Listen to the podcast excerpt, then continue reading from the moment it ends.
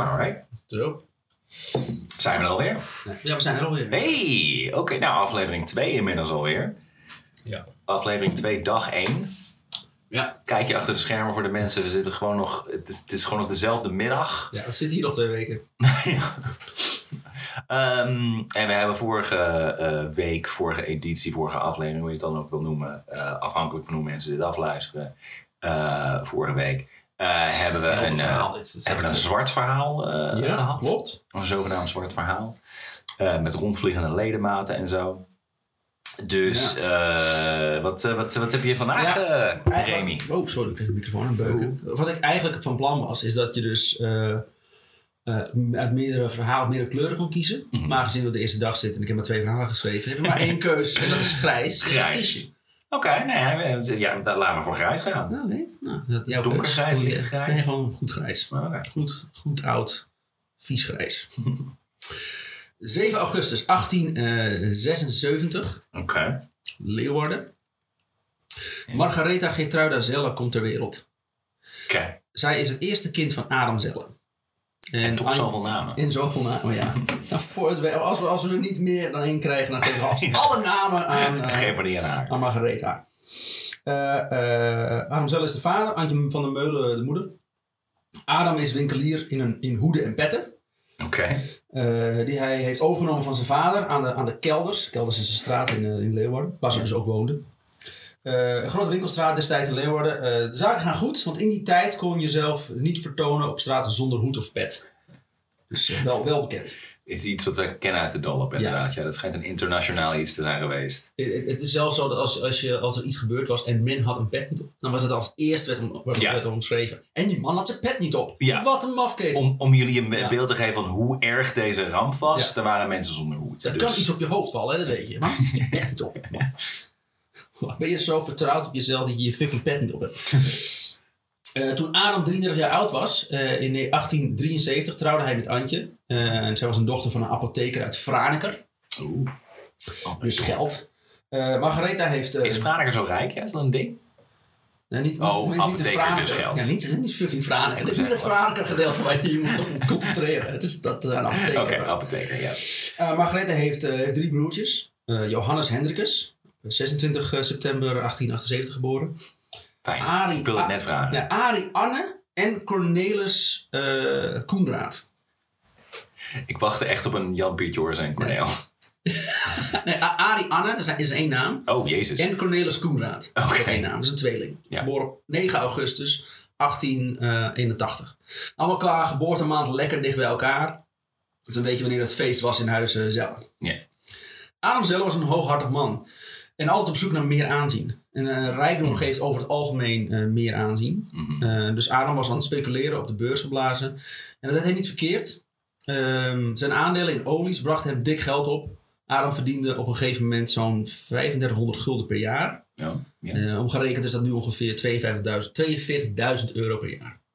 Dus is niet prima, verkeerd. Prima, kun je goed Ja, van ja, ja. Olies, zeg je. Je hebt het niet over aardolie. Over verschillende olies. olies. Vroeger had je nog verschillende olies. Als het, maar, als het maar vettig als is. olie. En olijfolie of zoiets, weet ik veel. Zoiets. Nou speculeer je daar net. Wat speculeren in wat voor olie het überhaupt was. En in restaurants zat hij ook altijd van... Ik speculeer dat dit olijfolie is. Nee, dat klopt. Extra vierge. Dus om zijn rijkdom te vieren en om aanzien, aan zijn aanzien te werken, kocht Adam in 1883 een 16e eeuwse pa patricierswoning. Oh, patriciërs. Ja, ja, dat is een goed huis voor zeer eh, voorname, maar niet adellijke personen. Of regenten. Het is gewoon een, eh hey, kijk naar huis.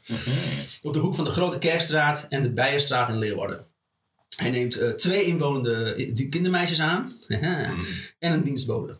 Adam was een beetje een dromer. Hij zag zichzelf als een belangrijk inwoner van Leeuwarden en deed er alles om door te, om door te dringen tot de belangrijke cirkels. Wat ook hielp is dat Adam dacht dat hij van een oud-Duits uh, van een oud-Duits adelijk geslacht was. Uh, dus Hij dacht was, dat. Dus hij was, ja, hij dacht Dat is het niet waar. Nee, maar ja, hij was van overtuigd. Oh, Oké. Ja, ik heet zelf, dus dat zal het wel zijn. Ja, kom op. Dus hij was in zijn ogen een aris- aristocraat die zijn plek in die cirkels verdiende. Juist. Die cirkels zelf hadden een hekel aan Adam. Ja, uiteraard. Die vonden Adam maar een rare snuiter. Adam had bijvoorbeeld jarenlang moeilijk gedaan over windmolens in Leeuwarden. Dat, dat, ja, Daar was hij tegen, Was hij zo? tegen. En They kill birds. Ja. Everyone knows they kill birds. Oké. Ik ben, ben heel benieuwd van Trump, eh, inderdaad, waar van die afstand. Ehm, eh, hij werkte actief die, die plaatsing tegen. Eh, de Leeuwardse bevolking dacht niet beter over hem. Maar Zo- het- sorry, even terug. Windmolens zijn toch echt al wat honderdduizend jaar een ding in Nederland. Zeg maar. dat is, om je te gaan verzetten tegen, tegen molens in Nederland Ja. is heel vreemd. Fuck it! Nee, ik wil Dat is molens. alsof je je gaat verzetten tegen racisme en Ja, dat Zuid-Afrika. niet gewoon met is windmolens. Ja, niet, ik, heb wel, ik wil wel stroom, het moet groen zijn, maar niet mijn fucking achtertuin. Ja. Laat me maar ergens anders bouwen. Dat, dat had hij dus ook. Ik, vond het, of ik veel. Hij had gewoon iets tegen windmolens. Eh, de Leeuwardse bevolking dacht niet beter over hem. Zo ging hij wel eens uitstapjes maken door de stad.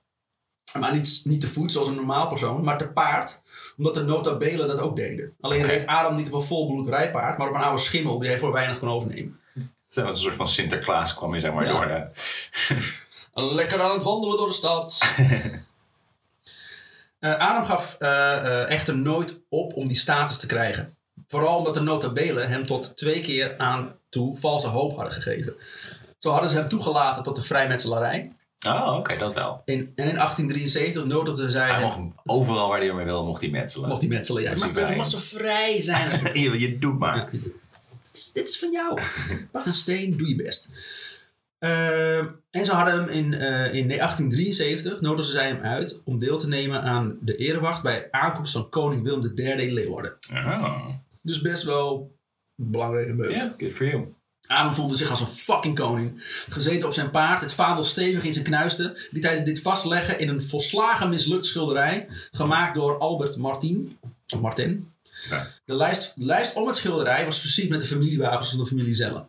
Het was alleen jammer dat hij deze lijst op een veiling had gekocht en dat geen enkel wapen iets met de familie Zelle te maken had. Dat wil ik zeggen, want je hebt, als je niet van adel bent, heb je volgens mij helemaal geen familiewapen. Nee. Je kan wel iets Dus laten maken, inderdaad. Dan, dan koop je gewoon iets en dan zeg je, dat is nu van mij. Ja, dus, eh, Op dit, zich eh, de meest blanke, blanke beslissing ooit. Zo mooi te zeggen, nee, ja, nee, we zijn dan van adel, maar dan uit, eh, uit Duitsland. Ja, dat, is, een wapen? Ja, geef me even. dat is echt alsof je zegt, I have a girlfriend in Canada.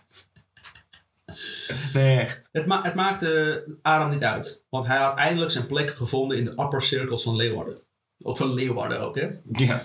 Niet Amsterdam of zo, nee, Leeuwarden. Achteraf bleken ze hem allemaal vanwege zijn opvallend uiterlijk te hebben uitgenodigd. Koning Willem III hield van ruiters met een rechte rug. En Adam was blijkbaar een van de weinigen in Leeuwarden die een rechte rug had. Dat was het, zeg maar. Dat was het. Hij ziet er goed uit op een paard, pak het. goed genoeg. Ja. Adam was een, was, was een gehaat man in Leeuwarden. Ja, hij spande bij de minste of geringste aan- rechtszaak aan tegen mensen. Ja. Bij Dit klein... is echt zo'n man die, de, de, de notabelen moeten hem inderdaad niet hebben, maar arme mensen, daar voelt hij zich er goed voor inderdaad. Dus niemand mag deze Niemand wil Adam hebben. Wat Dirk, Dirk Been van Leeuwarden. Callback. Yes. Ehm, ja, bij, bij een klein meningsverschil had je al een proces aan je broek. Dat is een vaak lekker weertje, hè? Nee! Oh ja? Dat zullen we wel zien. Dat bepaalt de rechter wel. God damn it. Eh, hoe, ha- hoe gehaat hij ook was door zijn medebewoners in Leeuwarden, hoe geliefd hij was door zijn gezin. Adam werd gezien als een goede vader. Hij gunde zijn kinderen de wereld. Ze liepen rond in de duurste kleding en kregen de het mooiste speelgoed. Ja, want ze moesten natuurlijk aan iedereen laten zien hoe welgesteld ze waren. fucking rijk ze Ja. waren. Hij zorgde ervoor dat zijn kinderen zich als prinsen en prinsessen voelden. En hij was de koning van zijn huishouden. Het zijn vast echt hele fijne mensen geworden. Ja, natuurlijk. Wat kan daar opgevoed. Ze hebben kregen alles. Behalve aandacht, maar ze kregen alles. Precies, ze zijn vast heel sympathiek en goed aangepast in de samenleving. Hij stuurde Margarethe bijvoorbeeld niet naar een normale school, maar naar de school van mevrouw Buis. Aan het Hofplein. Deze school was voor kinderen uit betere milieus. Zij gaf les met een strenge, maar ook vriendelijke hand. Dus gewoon iemand met eh, twee persoonlijkheden.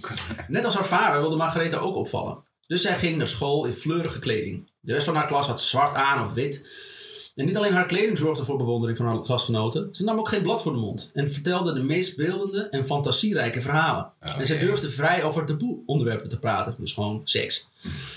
Margarethe droomde al vrij vroeg over dat ze graag een artistieke loopbaan wilde. Maar Thuis- en dit, dit werd zeg maar positief eh, ervaren door Ja, mensen? maar hij is een rijk man, dus dat kind kon wel zeggen wat hij wilde. Want het, het klinkt echt als een ontzettend onhandelbaar kutkind. Het klinkt alsof ze moet vastgeboren aan een paal en dat, er, dat ze moet worden gestenigd. Ja. In die tijd, hè? niet nu. Niet, in Nederland in ieder geval.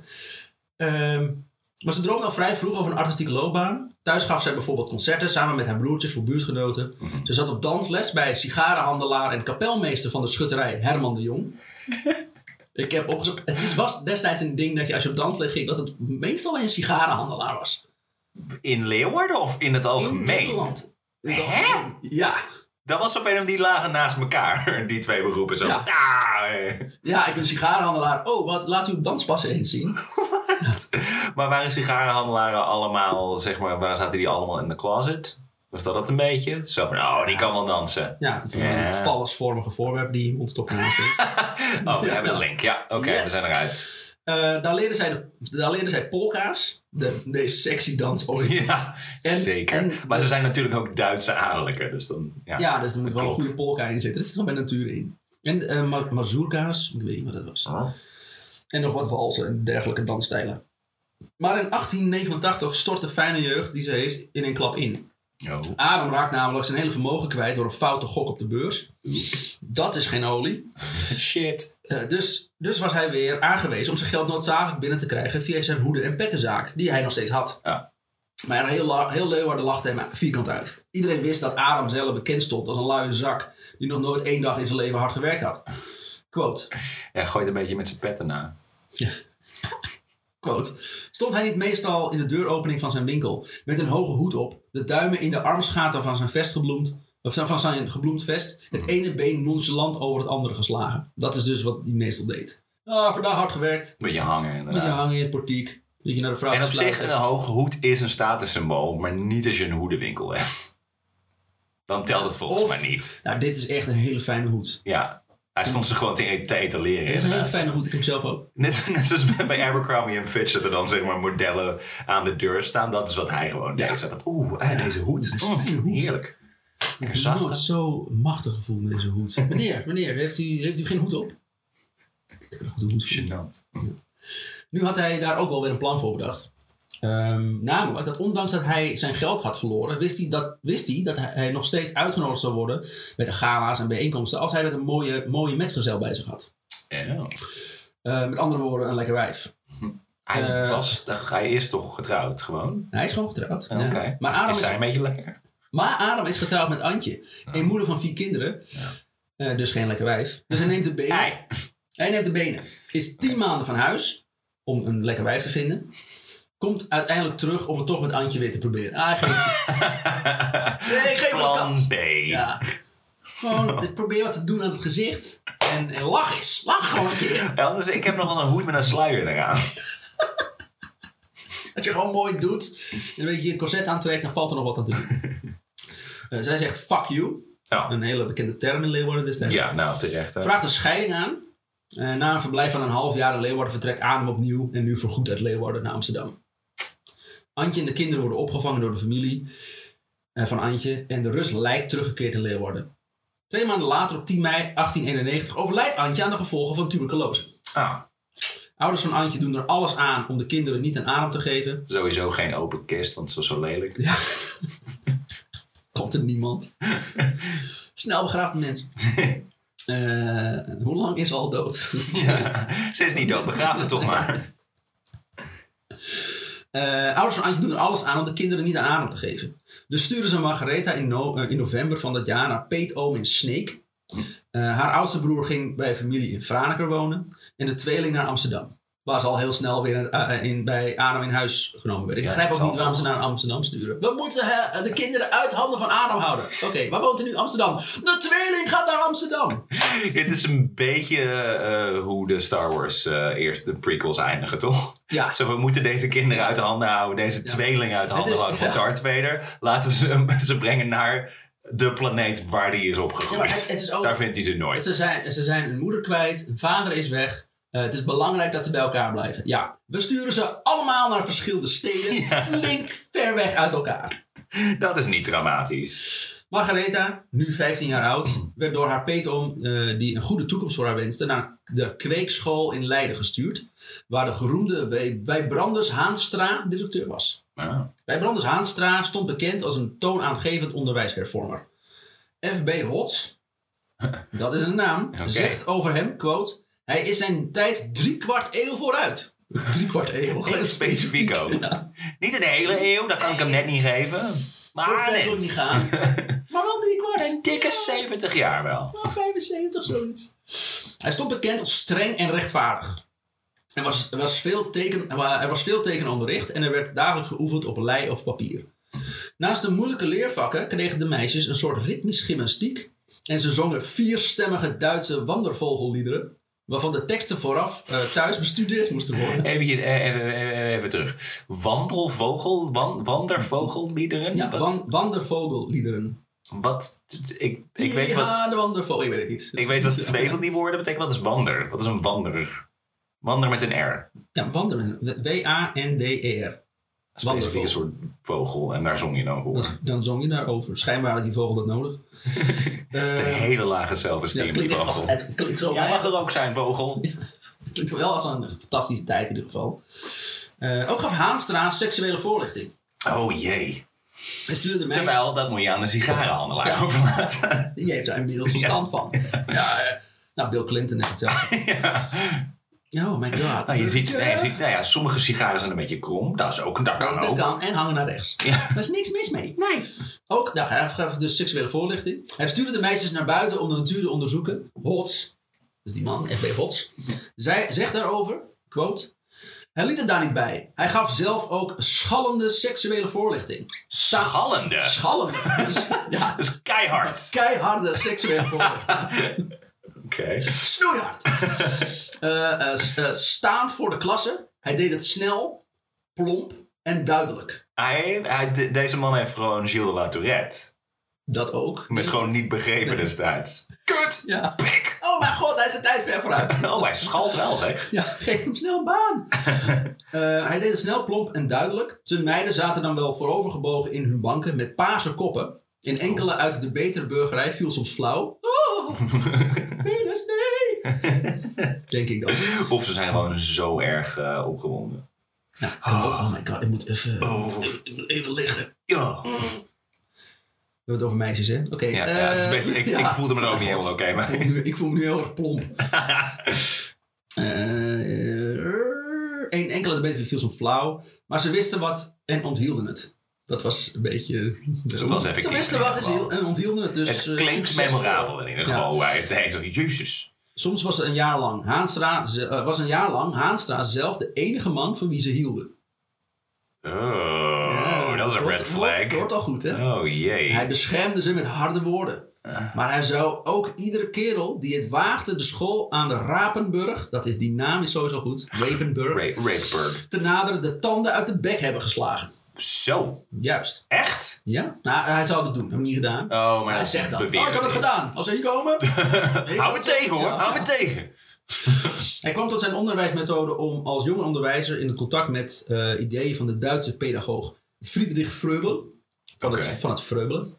Eh, ik ken die naam gek genoeg volgens mij. Is hij niet een van die Montessori dudes? Of nee, Montessori. vast wel. Zij heette Montessori, dus dat had ik op zich kunnen weten. Nee, Friedrich? Freubel is niet van de Freubelschool. De Vreubelschool.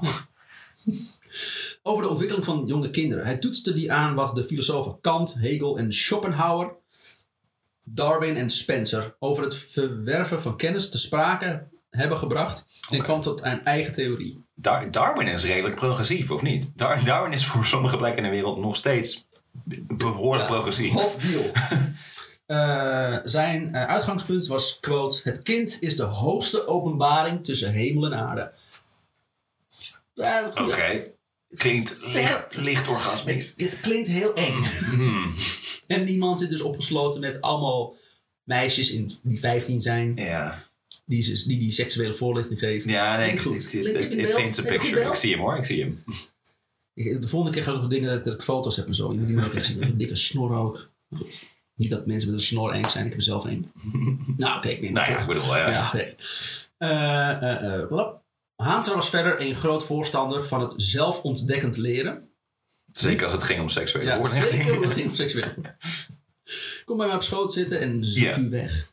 Niet de kinderen het voordoen zodat die het nadoen. Nee, quote, alle onderwijs is het streven naar eigen ontwikkeling die eigen hand, hands bieden. Het is, natuurlijk, het is een natuurlijk streven des kinds is het beginsel van alle pedagogische wijsheid. Jesus Christ. Hij maakte beeldboekjes om leergierigheid, bij mensen, bij kinderen aan te wakkeren. Zodat ze zelf konden ontdekken wat van belang was en wat niet. Iets wat je zelf ontdekt, vergeet je nooit meer. Aan geleerde lessen ben je na een paar maanden alweer kwijt. Zoals uh, autorijden. Ja. Hij raadde kleuterleidsters aan de kinderen niet twee aan twee in de banken te zitten, maar rond een grote langwerpige tafel, zodat ze bij elkaar konden afkijken en van elkaar konden leren. Hij bleef na, uh, vanaf zijn aanstelling in 1868 tot aan zijn dood in 1925, toen Helder nog Helder heette, nadenken en publiceren over algemene ontwikkeling van kinderen. Hij gaf bijna alle lessen zelf, met uitzondering van Frans en Duits. Hij gunde zijn studenten veel vrijheid, hield zich niet aan vaste lesroosters, schreef geen verplichte boekenlijst voor en gaf gezelde cijfers. Maar toch wist hij nieuwsgierigheid bij zijn studenten aan te wakkeren en ze het gevoel te geven dat ze het allemaal zelf hadden uitgezocht. Hij klinkt op zich als een redelijk progressieve... uh, Inspirerend man. ja, uh, maar, maar, maar waarom is er een podcast over Ja. hem? Er is geen podcast over hem, maar oké. Uh, ik vind het verdacht in ieder geval nog. Eh, ja, hij is gewoon een inspirerend man die veel heeft betekend voor het onderwijs eh, in, in Nederland. In ieder geval weg te slaan van het oude, hoe we Ja. het normaal deden. In een rijtje zitten opletten, eh, dingen herhalen. Ja. Nou, gewoon een inspirerend fijn man, toch? Toen Ja. Haanstra 50 jaar was, werd Oh, hij jee. betrapt met een naakte 16-jarige Margaretha Zelle op schoot. Uh, there we are. Dit werd uiteraard een schandaal waarin Haanstra ondanks zijn status werd ontslagen en iedereen zich ontfermde over. Ondanks zijn status zo. Ja. Dat vind ik mooi zo van, nou, we hebben het overwogen. Maar hij is natuurlijk wel rijk, maar... En eh, al die kinderen heeft hij al jarenlang misbruikt zonder dat we er ooit weten van waren. Dus, Eh, dus hij heeft het wel discreet gedaan. Nou, ik dus bedoel, eh, wat van leren. Hij heeft het ontdekt. Ah. En iedereen, eh, iedereen ontfermde zich om eh Margarethe natuurlijk. Ja. Dat is natuurlijk een grapje. Eh Haanstra bleef directeur, kwam er met een onofficiële, Oh, onofficiële waarschuwing vanaf. Nee! En bleef tot aan zijn pensioendirecteur. Je hebt altijd een beeld van, oh, ze waren toen vroeger allemaal zo streng. Ja. En nee hoor, niet als je een witte man was. Witte mannen, toen was het echt zwaar, wat goed hoor. Ah, Kom terug naar die tijd. jezus. Ehm eh, Lop. En bleef tot zijn pensioendirecteur. Werd geroemd en beroemd door zijn methodes. En werd geridderd in orde van Oranje. Geridderd? Ja. Jezus. In datzelfde jaar nog? Naar aan, niet naar aanleiding hiervan, maar wel ondanks dit. Ik hoop niet dat, dat... Nou, we hebben het nu gelezen dat je, dat je ook kinderen seksueel misbruikt. Dus welkom bij de club. Niet- Oh ja, inderdaad. Ja. Nee, nee gewoon, hij werd gewoon. Dit is Prins Andrew. Ja. Klopt niet Jeffrey helemaal. Epstein. Ja. Door oud-leerling Lise de Haan weten we ongeveer wat er is gebeurd. Margarethe had nogal wat aanzien op de kweekschool in Leiden. Helemaal van de jongens die ze tegenkwam tijdens wandeluurtjes. Misschien wandelen en dan kwamen ze een andere school tegen. Met, vroeger had je natuurlijk mei, eh, meisjesklas en jongensklas. Ja, ze zagen Gescheiden. Ehm, die stonden dan ook s'avonds voor haar raam haar naam te roepen. Dat kwam de reputatie van de school niet ten goede. Haanstra raadde de directrice van het internaat aan Margaretha naar een kamer aan de achterzijde van het gebouw te laten verhuizen. Ook oordeelde hij het- dat het beter was dat het meisje de komende weken niet uit ging wandelen. En de straffen werden door haar, eh, haar Ik denk dat ze het best bij mij in de kamer kan slapen. Ja. Dan komen die jongens niet. eh, niet. Want ik sla ze de tanden uit hun bek. Ja, ja, ik snap ineens waarom Ja. die nou zo defensief is. Die Ook, inderdaad, ja. 15.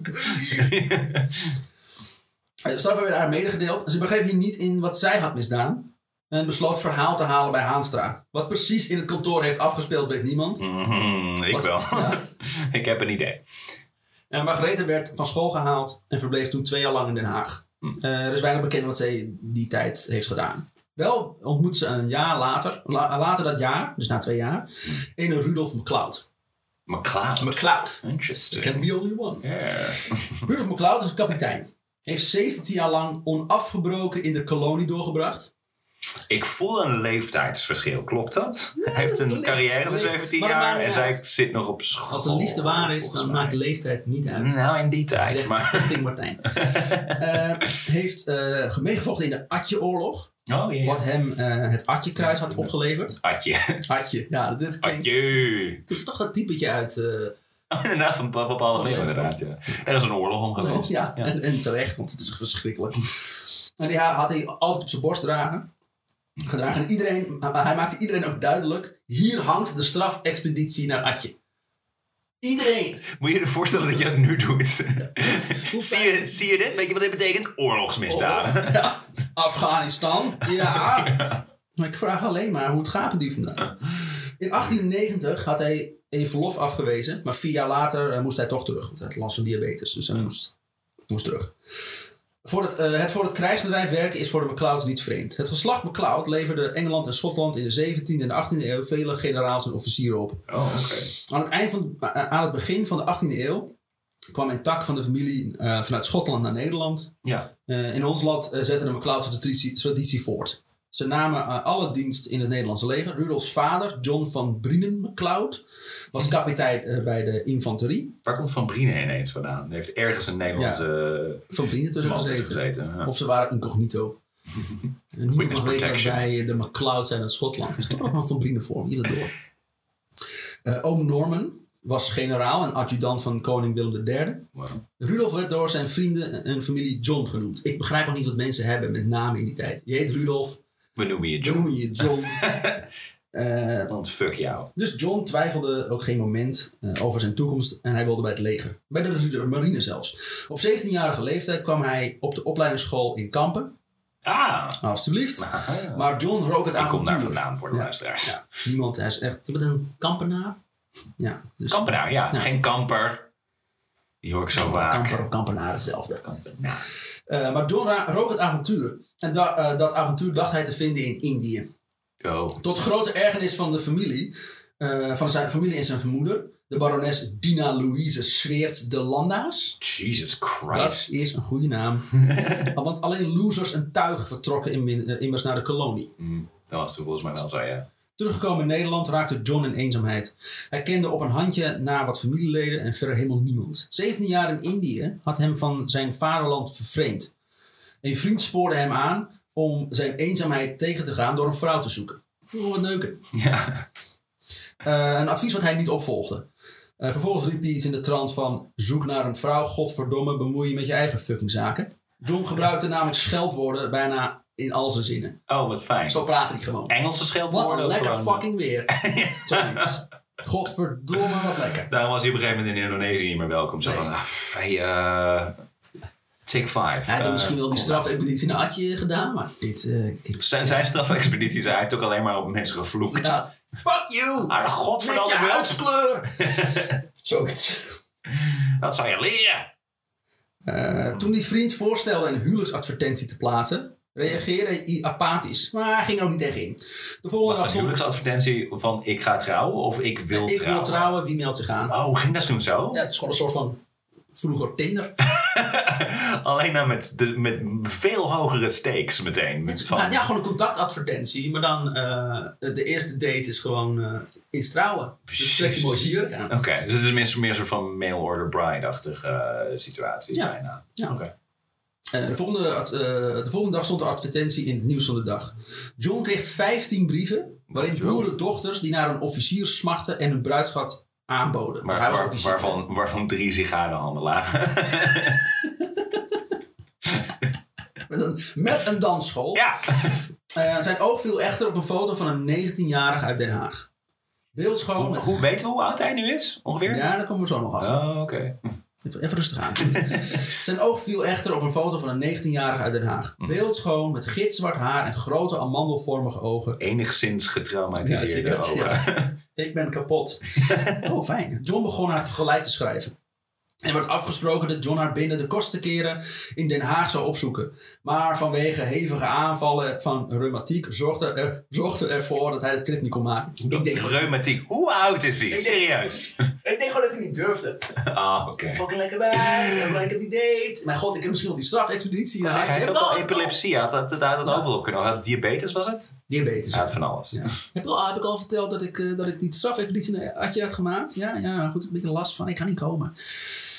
Maar goed, wie over, wie- we zijn er allemaal geweest. Ik begrijp dat het hier durfde. Dus Margaretha dacht, fuck it, ik, dan kom ik wel naar Amsterdam. Eh, ook al was dat niet helemaal volgens de etiketten. Op 24 maart... 18... Zeg maar niet chic dat nee, zij... dat eh, je. Een vrouw die het voortouw neemt. nee, Wat nee, nee. gebeurt hier? Oh nee, wel heel erg Ja, zeg. heb jij een mening? Mm, jakkes. Het is jou niet verbranden. Op 24 maart 1895 ontmoetten zij elkaar voor het eerst in het Rijksmuseum in Amsterdam. Ah, Ze kon het eh, gelijk heel goed vinden. John vond haar lief en leuk en kon zijn trieste bestaan opvrolijken. Eh Margaretha zag in hem een ideaal middel om Nederland te verlaten en te gaan reizen. Margaretha aanbad alles wat maar een beetje met aristocratie te maken had. En dat had ze namelijk meegekregen van de vader. Ja. Eh, verder dacht uh, Margaretha dat uh, John uh, veel geld zou verdienen omdat hij kapitein is. Dus een luxe leven leek haar wel leuk. Zes dagen later waren ze verloofd. Een paar weken voor het huwelijk bracht Margaretha John op de hoogte dat ze ook nog een vader had. Oh ja, trouwens, ik heb nog een, ik heb, ik heb nog een schoonvader. Oké. Okay. Daarvoor had ze namelijk altijd gezegd dat ze een wees was. Oh, oké. Okay. Jesus. Ja, het is niet gewoon, ik heb het niet over. Nee, nee, ik ben wees. Nou, zal dat niet het enige zijn aan de jeugd waar ze niks over heeft verteld? Als ze het liever niet over praat. Nee, het, is gewoon, het, was, was een beter, het kwam er beter uit. En Ja. nu, ja, fuck, ik ga trouwen. Dus dan moet, de vader moet handtekening zetten. Oké. Een dag voor de bruiloft stelde Margaretha John voor aan zijn toekomstige schoonvader. In een grote landauer. Auto? Ja, een, een koets. Uh, oh, goed. zo, ja. Eh, waarschijnlijk nu een automerk. Ja, Eh, reed het paar bij Adam voor. Die toen ergens in een achterbuurt woonde. In de Lange Leidse dwarsstraat. Ugh. Adam Fijn. was zeer trots op Margaretha. Dat Ja, hij, hij zat nog steeds aan de grond dus. hij zat nog steeds aan de grond. Hij had nog wel, had hij zijn hoedenzaak Ja, nog? Nee, dat was nee, dat was weg. Misschien had hij nog een pet op, ik weet het niet. Oh. Maar dat was het. Maar hij, hij was in ieder geval zeer trots dat Margaretha een, een, een eh, eh, man had uitgekozen van adellijke afkomst. Volgens de familietraditie eh, van de McClouds moest oom Norman het huwelijk goedkeuren. Ik, ik zit heel erg te wachten op het moment dat, dat ook blijkt dat de hele McClouds gewoon niet bestaan. Het- Net zoals die Ja. adellijke familie uit Duitsland die helemaal niet echt is. Dat ze allebei zitten wachten tot de huwelijksdag en dan haha, I'm broke. Ja. Oh shit. Oh. Jij moet nu alles betalen. Wat? Jij ook? Oh, Ja. Dat is waarschijnlijk de reden waarom we zo van elkaar houden. Oké, dus jij gaat de prostitutie in? Maar, Zegt zij. eh, dus eh oom Norman moet het huwelijk goed, goedkeuren. Na het kennismakingsbezoek zei de oude generaal, quote... Ze is jong, maar wel verdomd knap. Dus, Eh. oké, niet gaan Eh. trouwen. Als ik, als ik de leraar was geweest, ik had het wel geweten. Nee. Op 11 juli vond het huwelijk plaats. Zij was 19, hij was 39. Eh, valt me nog mee trouwens. Voor alle shit die hij had. Gezien de rematiek en zo. Ja. Wat heeft heeft hij 17 gedaan? jaar in Indonesië gewoond hoor. Ik bedoel, daar, daar ga je redelijk kapot gaan volgens mij in die tijd. Eh, hoppa. Adam werd naar het stadhuis gesleept om zijn handtekening eh, te zetten. En vervolgens werd hij naar huis geschopt onder het voorwendsel dat het jonge paar direct op huwelijksreis zou gaan. Oké. Dat was een leugen. Eh, want, want er werd nog een groot diner gehouden in, de, in het uh, Americane. En daar was wel- Adam gewoon niet welkom. Het is een en al gasten en zo. Iedereen in een brigade. Waar is je vader? Nee, wees. Nee, maar ook waar, waar iedereen bij, waar alle gasten bij staan. Zo, Ja. Nee, ja, het is voorbij nu. Dus eh, Ja. deze mensen. Ja, weet ik niet. Ik, ken, ik weet niet wie die, wie die Waarom, zijn. komt daar een band binnen? Nee, nee, ja. Dat. Celebrate. Toen al. Zo'n deur die dan open gaat die heel hard muziek hoort. Ja. Ja, hier en tieten. Eh, de huwelijksreis eh, bracht ze naar Wiesbaden. Dat aan waarom ook niet. het einde van de 19e eeuw een geliefd oord was voor officieren. Oh, in Duitsland dan? In Duitsland volgens mij. Ja. In het Duitse stadje kon naar hartelust gegokt, gedanst, gedronken en gefeest worden. Yeah, want je weet hoe. je, je kent Duitsers. Een en al feest. Feest, dat zijn het Extreem extraverte, leuke mensen zijn. John en Margaretha feesten er nachtenlang en gooiden flink fortuin over de balk. Ook braken de eerste ruzies uit tussen het verse echtpaar. Nu al. Ja. Godsamme. Greta, zij noemde zichzelf nu Greta. Ja. Eh, ze noemde zich namelijk Greta omdat John eh, haar het koosnaampje eh, Grietje had meegegeven. En daar had ze een hekel aan. Dus om hem te irriteren noemde ze zichzelf ook een keer Greta. Greta, het is wel, je hebt van die vrouwen die kinderen krijgen en dan ineens de, de, de haar echt heel kort knippen en Ja, zo. dat zijn Greta's. Ja, van, Ja, van, ik bedoel, Margaretha is ook niet Ja, best. het is ook een ras. Dat, Greta, was de Karen van die tijd, zeg maar. Ik ga dat wel zeggen. Dus het was een goed begin eh, van, een, van een huwelijk. Hmm. Eh, wat ook niet hielp, was dat Greta erop op los flirten. Ik noem haar gewoon nu Greta omdat ze zichzelf Greta noemt. Ja. Dus ze flirte erop los eh, tijdens de nachtenlange feesten in Wiesbaden. Mhm. Dat deed ze met iedere officier die voorbij danste. Iets wat John vreemd genoeg niet kon waarderen. Dus ze is nog steeds een beetje aan het rondshoppen, zeg Ja, maar. ze is gewoon van het leven aan het genieten. Je moet het een beetje, een beetje zien. Later zou ze zeggen op de vraag: waarom, waarom eh, viel het getrouwde leven u gelijk zo tegen? Quote: Wel, in het geheel niet. We gingen naar Wiesbaden en leefden er als mensen die een paar ton per jaar aan het, verteren waren. Dat leek, me, eh, ik, eh, dat leek me leuk. Ik hou van wilde. Het was juist iets voor mij. Ik was trots op hem en hij op mij. We konden doen en laten wat we wensten. Mijn liebchen. Dus het ging Ik voornamelijk... vind, het, ik vind het heel mooi dat ze zegt van ja, eerst ging het nog wel goed in het huwelijk en ze heeft het nu vooral over de allereerste dag. Ja, de eerste Ja, dag dat is allemaal nog wel leuk. ja, maar niet twee minuten daarna. dus eh, met andere woorden, een rijk leven waarvoor ik geen fuck hoef te doen. Yep. Dat is echt iets voor mij. Op de vraag of haar kapitaal daarmee gemoeid was, antwoordde ze, quote... Mijn kapitaal, nou, dat was niet, nog niet zo groot. U, u begrijpt dat ik zelf mijn opvoeding moest betalen. En wat er bij ons, t- eh, t- bij ons trouwen nog over was... Nu, als wij daar 14 dagen mooi weer van speelden... levend zoals wij leefden, dan was het prachtig. U vraagt eh, waarom de toestand in ons huwelijk dan toch zo snel veranderde. Wel, er kwam verandering eh, toen het geld op was. Oh. Ik was niet getrouwd om geen beelden te hebben. En dan ik, ik was koket en dat beviel hem niet. Hij was jaloers. En u zag dat als compliment. Zeker. Maar het was ook lastig. Hij was veel ouder dan ik. En, en dan een vrouw van mijn temperament. Ik wil ronduit bekennen dat bij het zien van de een of andere knappe vent... dat mijn hart daar sneller van gaat kloppen. Zo, En dan is het heel, dat is heel natuurlijk. Daar kan ik niks aan doen. dat was voor die tijd redelijk eh, gewaagd iets om Ja. te zeggen toch volgens mij. Dit is de privé van, van toen? Ja, Of de weekend? Nou ja, ze heeft eh, later een soort interview gegeven. Ik had ook artistieke aspiraties. Voelde van kinds af aan veel voor het toneel. En dan aan die neiging zijn andere neigingen verbonden. Met andere woorden, als je voor het toneel werd, eh, neuk je rond. Eh, toneel was het destijds nog volgens mij nog wel redelijk, eh, werd, werd nog wel gezien als, als niet, eh, eh, ja. een beetje ordinair en zo. Ja.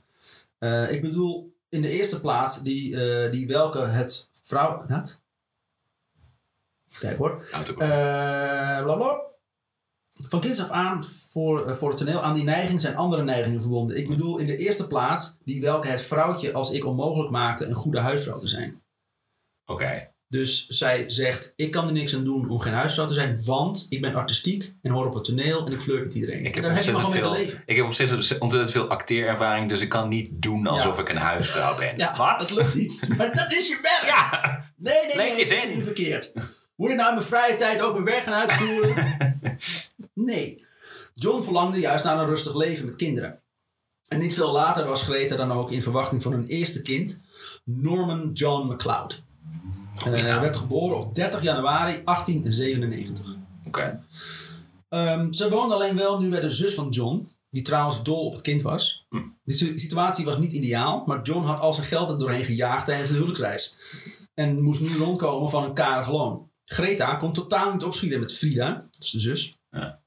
die zich overal mee bemoeide en ruzies, volg, ruzies volgde. Het vertrek naar Indië moet als... Rus- wa- Russisch volgde? Wat? Ruzies. Ruzies. Oh, Ja, Russisch volgde. wat? Ja, wodka, wodka. Ja. Wat heeft dat ermee te maken? Eh, het vertrek naar Indië moest nog een opluchting gevoeld hebben. Op 1 mei 1897 verscheepte het paar zich in de SS Amelia. Of Amalia. Oké. Op Sabang aangekomen. Sabang? Is? Ik ben even aan het... eh, Java? Is dat, of Sumatra dan? Volgens mij. Of is het eiland, heet ze bang? Ja, op Sabang aangekomen vernam John dat hij in Am, Ambarawa geplaatst was. Je kijkt is- naar mij. Ja, hè, maar jij komt Jij bent er toch geweest? Ja. Bestelt toch wel eens een Javaanse rijsttafel. Eh, Am, Ambarawa. Ambara, Ambarawa. Iedereen die denkt, wat spreekt dat verschrikkelijk uit? Stuur maar gewoon mails. Amara. Ja, fuck jou. Ligt iets onder Semarang in Midden-Java. Ah, Oké, ja. Het heeft een slecht klimaat. Drukkend warm, zo klam dat je er voortdurend hoofdpijn van krijgt. En er is geen kut te beleven. Yay. Dat laatste betekende voor Greta een ontzettende teleurstelling. Ja. Zij had van een veel boeiender Indië gedroomd. En nu zit ze vast in een of ander vies saai paupergebied. Ja, want had ze zich ook ingebeeld. Want ik bedoel, ze is, ze is van het theater en de high society en zo. eh, tropisch weer, dag feesten, mensen die alles voor je doen. Ja, nou, dat Zoiets. klopt op zich Ja. waarschijnlijk. Eh, dit geklaag stak ze niet onder stoelen eh, of banken. Ze was constant bloedzagrijnig en weigerde ook Maleis te spreken. Dus gewoon een leuk mens. Ja, Ja. Het past zich aan aan de situatie. pas je eens aan. Eind december werd John overgeplaatst naar Malang. Malang. Mhm. Hij zou daar commandant van het eerste bataljon reserve-infanterie worden. Oké. Dus niet de- infanterie, de Dat is reserve gewoon voor als, infanterie. ja, ze de- echte infanterie ja, kwijt zijn, op de bank eigenlijk, totdat de coach roept of je mee wil doen. Eh, Oh, kut, waar heb ik mijn infanterie gelaten? Ah, gelukkig op de reserve nog. Malang stond bekend als het Nice van Indië. Oké, Ja. houd dat precies in. Eh, een elegante stad op Oost-Java, in een bergachtige omgeving, met een heerlijk gematigd klimaat. Een Ja. stad waar Europeanen van hielden.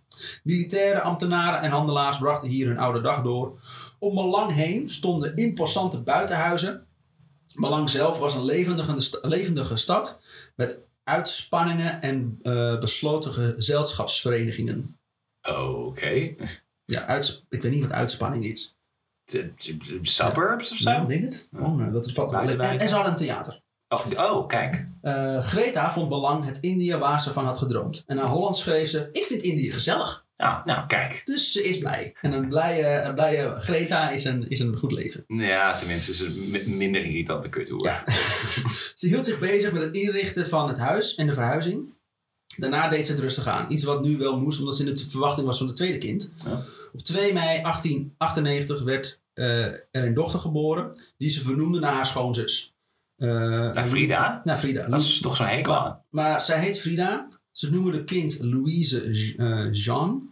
Dus niet Frida. Nee. En, maar wel vernoemd naar Frida. Die had waarschijnlijk ook een andere naam. Want Oh, naam is iets raars in ja. deze tijd. Maar die naam zou trouwens na haar geboorte nooit meer genoemd worden. Want iedereen noemde haar non. Non. Ja, dus je noemt je kind. Die vernoem je naar dat wijf waar je een hekel aan hebt. Die Frida Ja, heet. maar eigenlijk je noemt hem Louise Jean. Ja. Maar die naam gebruik je nooit. Je noemt hem non. Maar non ook, Ja, waarom? non, non staat voor... Is afgeleid van het Maleise nonna. Wat Ah, meisje betekent. Dus het is de meest inspiratieloze naam die je kan bedenken. vind ik wel net iets minder Het is nog net eh, niet erbarmelijk kind. dan non. ja. Waarom heet het kind? Kind Ah, nummer twee. I don't care. Onder militairen in Toenpoen stond het huis MacLeod bekend als een tof huis. Mm. Er waren dagelijk, bijna dagelijks feesten, Wow. omdat Greta elk moment gebruikte om een, eh, om een feest te organiseren. Hoe gaat het met de financiën? Moment. We schuiten ze op! Happy Wednesday, everyone! Alcohol! Er vloeiden liters alcohol. Iets waar John geen problemen mee had. Nooit was een borrel hem één te veel. Eh, dat alcohol van, van Greta een te vrolijke vrouw maakte, daar had hij meer problemen mee. Maar het geflirt bleef nog onschuldig tot op 31 augustus ah, kijk. 1898. Hele specifieke datum ook. Oké. Wat is nooit goed. Here we go. Tijdens de kroonsfeesten, die werden gehouden als gelegenheid van de kroning van koning Wilhelmina, Mhm. voorafgaand aan het bal, had de plaatselijk, eh, had de plaatselijk besloten gezelligheidsvereniging, dat is ook een vereniging voor gezelligheid. Het is gezelligheid. Extreem Nederlands. Extreem Nederlands om gezelligheid zeg maar In te plannen. ja. Zo van, oké, volgende week om drie uur tot, tot, tot half vier, dan Ja. is er gezelligheid. Ik heb nog een vraag. Ehm, eh, buiten de vereniging, mag Ja. er- is er dan ook sprake van gezelligheid? Eh, ex, dit- pardon? Stel je voor, ik kom op straat, kom ik eh, iets tegen wat gezellig is. Mag ik daar dan aan meedoen of moet ik gelijk Maar ongeplande gezelligheid? Ja, Gewoon spontane Gewoon gezelligheid. spontane Gewoon in het openbaar ook nog een keer. Ik zag laatst. Gadverdamme. maar de mensen heel gezellig waren eh, ja, met elkaar aan het praten. Ja, ik zou ze aangeven. Aangeven, gelijk bij de plaatselijke. Absoluut. Oké. M- Dus eh, moet er nog gelijk ook eh, dat ze nog moeten betalen? Vanwege Ja, ik bedoel, gezelligheid het- buiten de groep. Een lidmaatschap inderdaad. Ze moeten alsnog lidmaatschap afdragen. Kom nou. Er werd- er een operette nog uitgevoerd. Met Greta in de rol van koningin. Ja. Iedereen was fucking lyrisch over haar spel. De toneelrecensent van het Weekblad voor Indië schreef... Het was moeilijk om zich aan de bekoring van deze ele- elegante dilettante te onttrekken. Oh. Mooie woorden voor zij ziet Ja, er lekker. Ik wil haar nu voelen. Wat mooi dat je destijds gewoon, ik bedoel, wel bespraakt wel, maar dat hij eigenlijk gewoon zegt, ik heb niks van, eh, van, niks van het toneelstuk meegekregen. Ik kan niet zingen, maar ze heeft van, van, die, van die mooie bollen. Zoiets. Op het daaropvolgende galabal nam zij daarom ook vele complimenten in ontvangst. Wat ook hielp was dat ze een diep gedecolleteerde jurk aan had. Ja. Langzaam vormde zich om haar heen een hele groep officieren. Ze zocht de knapste uit en maakte hem het hof.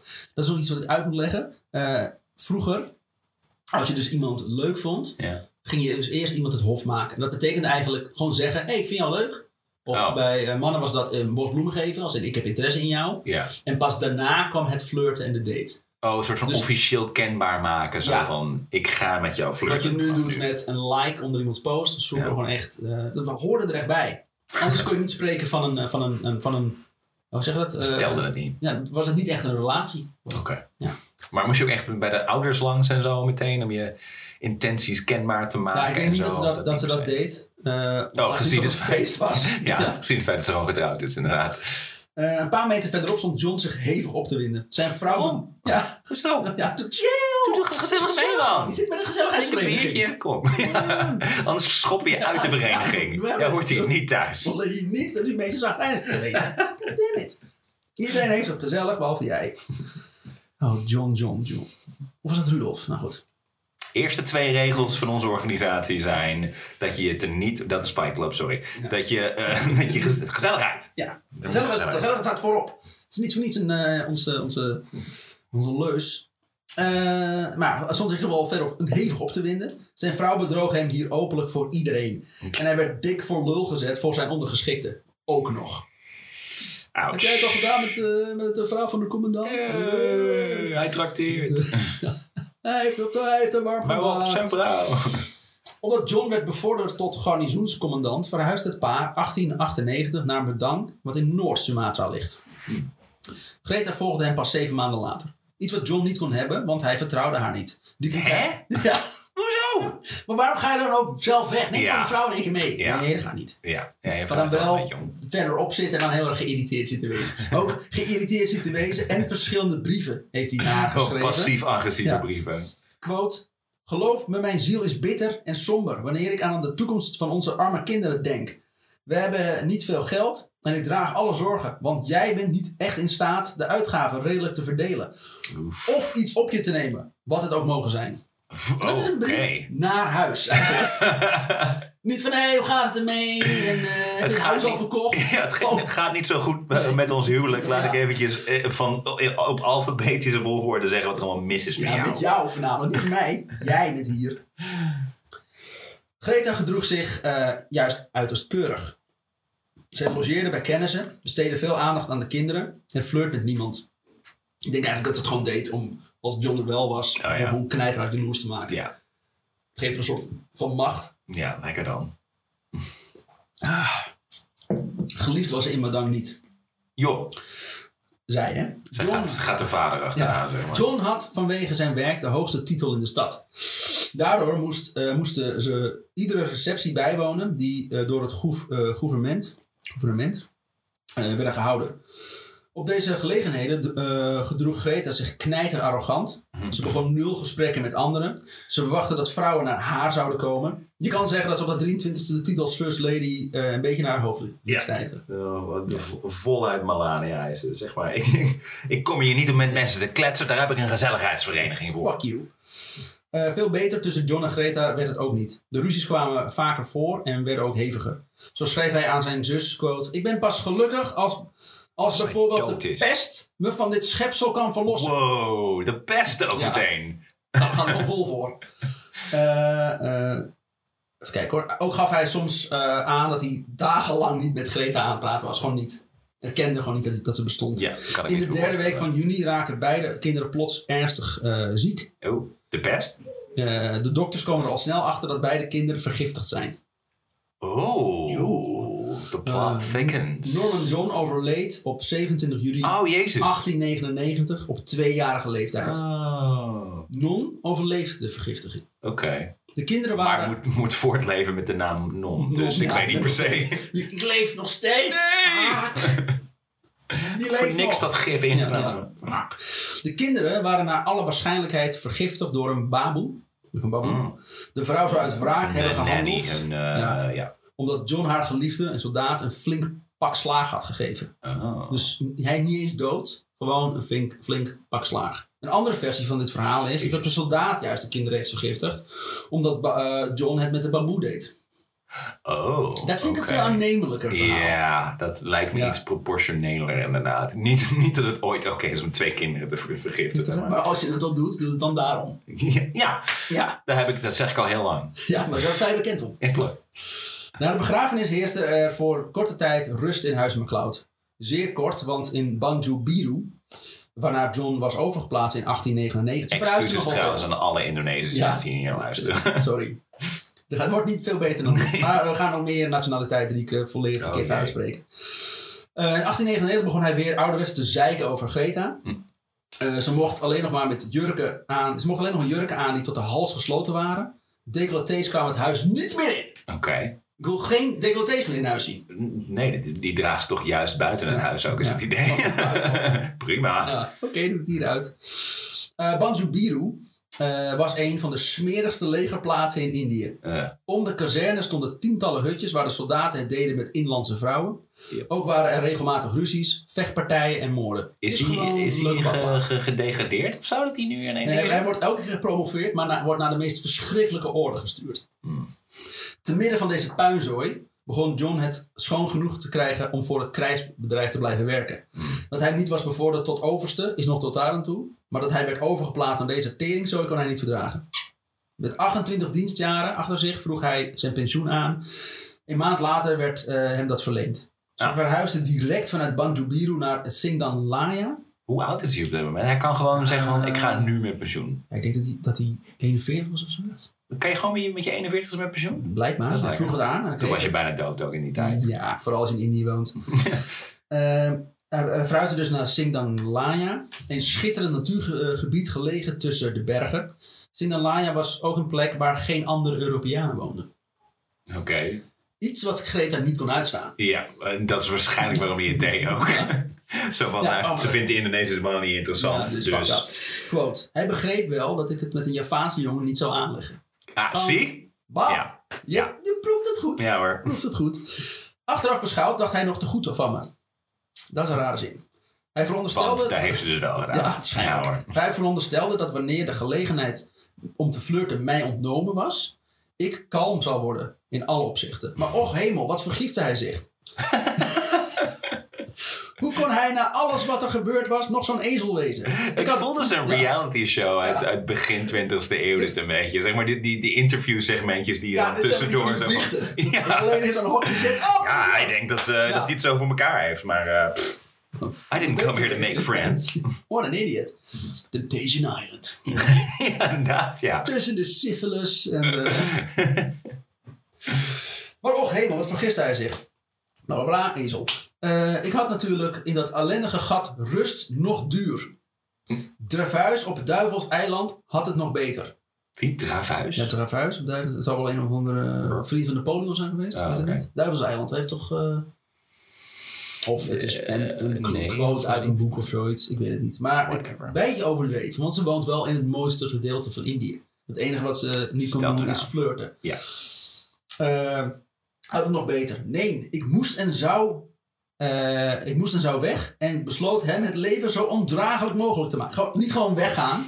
Nee, ik ga jou het leven zuur maken. Lekker. Jij met je fucking pensioen. Maar dat is wat je destijds deed. Toen had je had geen echtscheiding. Dus het enige wat je dan kon doen is... Dat ik was ga gewoon... Haar moeder was ook gescheiden. Oh, dat is ook alweer zo inderdaad, ja. Maar dat was nog wel natuurlijk enorme eh, stigma en zo. En dan nog, je kan toch gewoon weg?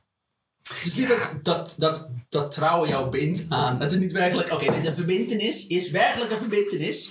Vanaf nu zijn jullie aan elkaar vastgebonden. Ik weet, volgens mij was het toen zeker als, als gescheiden vrouw wel een beetje zo van ja, en dan? Inderdaad, wat moet je dan? Ja, dus in wel. plaats maar daarvan maar gewoon alles afreageren op je man. Zo, ik ben niet gelukkiger dan jij ook niet. John gaf haar geld. En dat was, dat was handig. Ja. Want ze wilde niet werken. Want Nee, ze precies. voelde zich een koningin. Dat heeft ze namelijk ooit eens gespeeld. Dus ze is een echte character. eh, Het is nog steeds method inderdaad, ja. ja. Sindsdien steeds volledig. Stanislavski.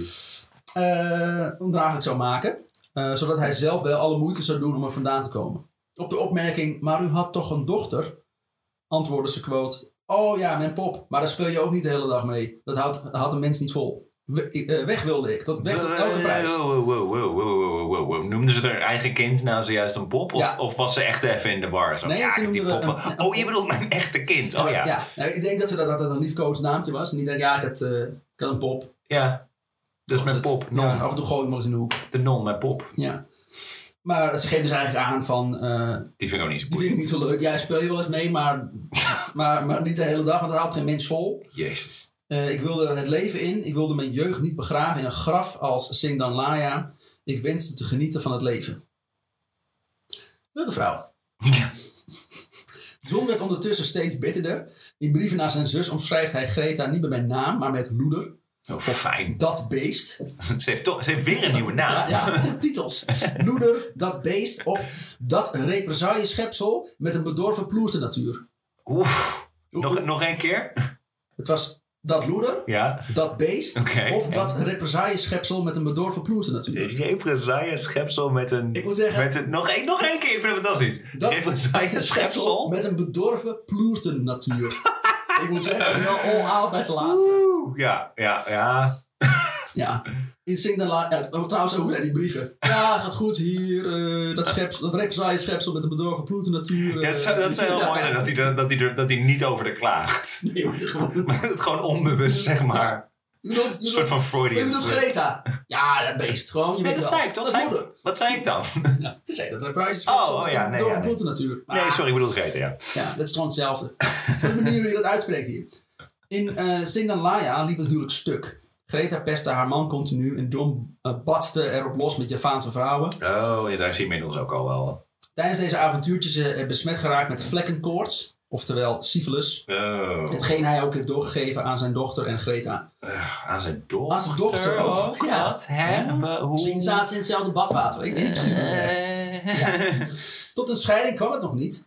Eh, John had wel de afweging gemaakt. Hm. eh, tussen scheiden of samenleving met, eh, samenleven met dat represaille schepsel van een bedorven ploeten natuurlijk. Kunnen we er vanaf nu zo noemen? Was het maar waar. John kon met zijn 2800 gulden pensioen per jaar in Indië makkelijk rondkomen. In Nederland zou het een stuk moeilijker zijn. Maar in Indië is het scheiden daarentegen veel moeilijker dan in Nederland. Dus je maakt Ja. keus. Dus ze bleven gewoon in... in Maar je bent eh, in Indonesië ben je in principe in Nederland, toch? Op de, in die Ja, maar tijd. toch een soort van aparte, aparte wet, wetten. regelgeving. John schreef naar zijn zus, quote... Oh, als ik maar geld had om haar af te kopen. Want daar doet het beest alles voor. Als ik eerst van het lijk af kan komen, dan was ik een rijk man. Maar vat op, eh, maar vat op zich even, zou je de wet kunt, eh, zodat je de wet kunt inroepen. Rare zin. Doet ze niet.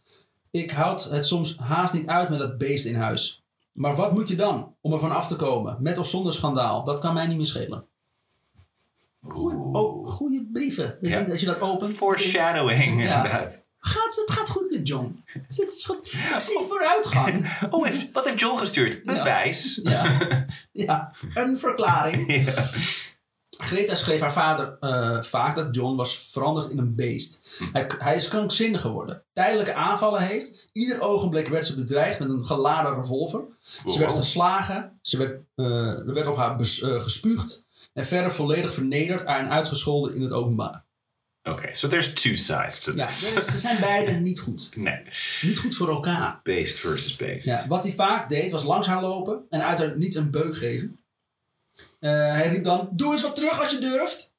Wat echt de kinderlijkste opmerking ooit Kom is. hier dan. Ja. Waarom sla je jezelf? Waarom sla je jezelf? Door deze situatie begon ook John een tyfushekel te krijgen aan Indië. En hij verlangde terug naar Nederland. In maart 1902 vertrokken ze naar Amster- Amsterdam. Greta was toen 25 jaar oud. Oh, wauw. Dat was in mijn hoofd minstens 40. Ja, nee, ze is nog maar 25. En ze was toch 20 of zo, 21 of zo toen ze gingen trouwen? Ja, nee, ze was 19. 19. Oh jezus, Zes, zes jaar, jaar. hel. Vanaf dag Oh. 1. Vanaf dag 1 tijdens de het huwelijksreis, wat toen nog een gave huwelijksreis was, Ja. was het, is het kut. Waar ze zelfs zij niet over heeft geklaagd. Die huwelijksreis vond ze nog wel oké. Terug in Amsterdam en door veel te weinig geld trokken ze nu ook weer in bij de zus van John. Frida. Wat niet lang duurde, wat trouwens, wat ook niet lang duurde. Dat zei ze, wat is met die andere Frida gebeurd? Ja, Oh nee, die leeft, die leeft nog, dat is een non. wat niet lang duurde, want Greta eh, kreeg eigenlijk gelijk weer ruzie met Frida. Hm. En waarschijnlijk ook is van, ik, dit is mijn dochter, heb ik naar jou vernoemd, maar ze noemde het niet. Ja. Ah, fucking oer. Op een dag in een leeg huis vindt Greta een briefje van John, waarin hij zijn vertrek aankondigt. Hij was samen met Non vertrokken naar vrienden in Velp. Oh, Dus hij was gewoon... Ook weer? Geen idee. Ik ben niet zo goed in topografie. Op 27 augustus 1902 werd de scheiding aangevraagd. Drie dagen later was de uitspraak bij de rechtbank. De rechter verklaarde het huwelijk als ontbonden.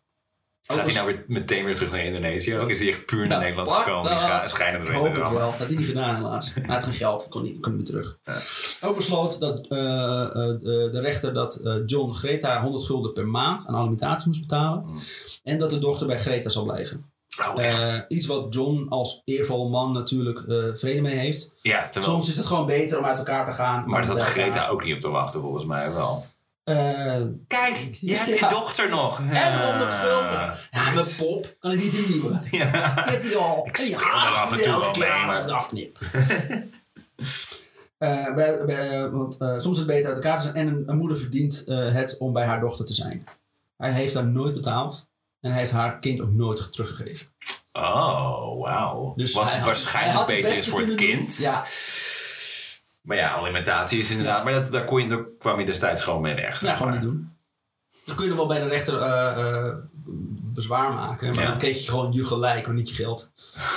Nu Greta geen bron eh, van inkomsten meer heeft, moet zij aan het werk. Voor gescheiden vrouwen aan het begin van de vorige eeuw betekent dat eigenlijk drie beroepen. In de fabriek werken, Is één ervan prostituee? de prostitutie Kijk, ingaan yes. of nog lager werken in het theater. Dat was lager nog. Gewoon bijgezet, vind ik leuk. En Jos, als je luistert. Eh, ze koos voor het laatste. En zo vinden we haar op de stoep bij Koos Speenhof.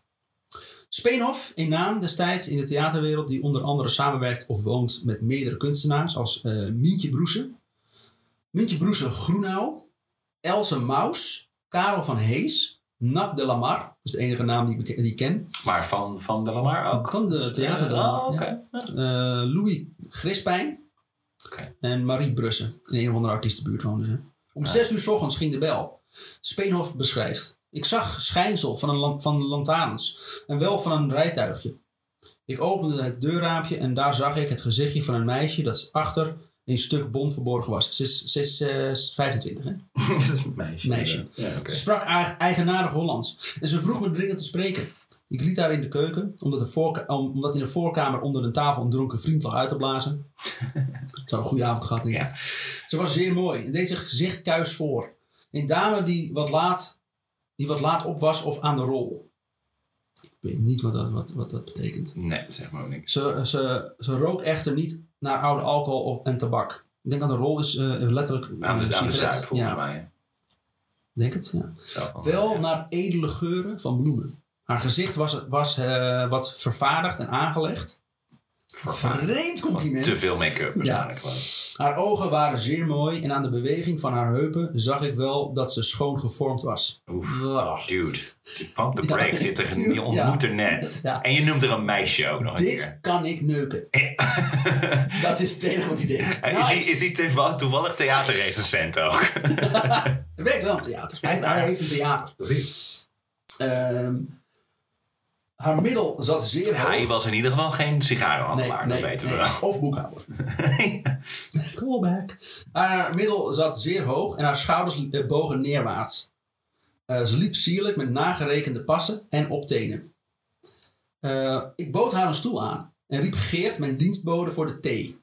Ze zette zich na, na haar eh, mantel te hebben afgedaan. eh, ze zette zich na haar mantel te hebben afgedaan. Mhm. Ze was in een kostbaar ontblotend avondkleed gevat. Oeh. Ze gedroeg zich vlot en scheen me te kennen. Ik ken jou. Oké. Het was nu zes uur in de morgen en ik had het gevoel... En het ene gevoel van een ochtendkater sufte over ons drieën heen. Ook over die dienstbode. Waarom is hij eh, dronken? Arme Geert. Ja. Of nee, of, of was die derde die die onder de tafel te misschien, slapen? ja, misschien in de keuken. Dat, dat, dat Die is er ook nog steeds Ja. namelijk. Zo gedroeg, ja, goed.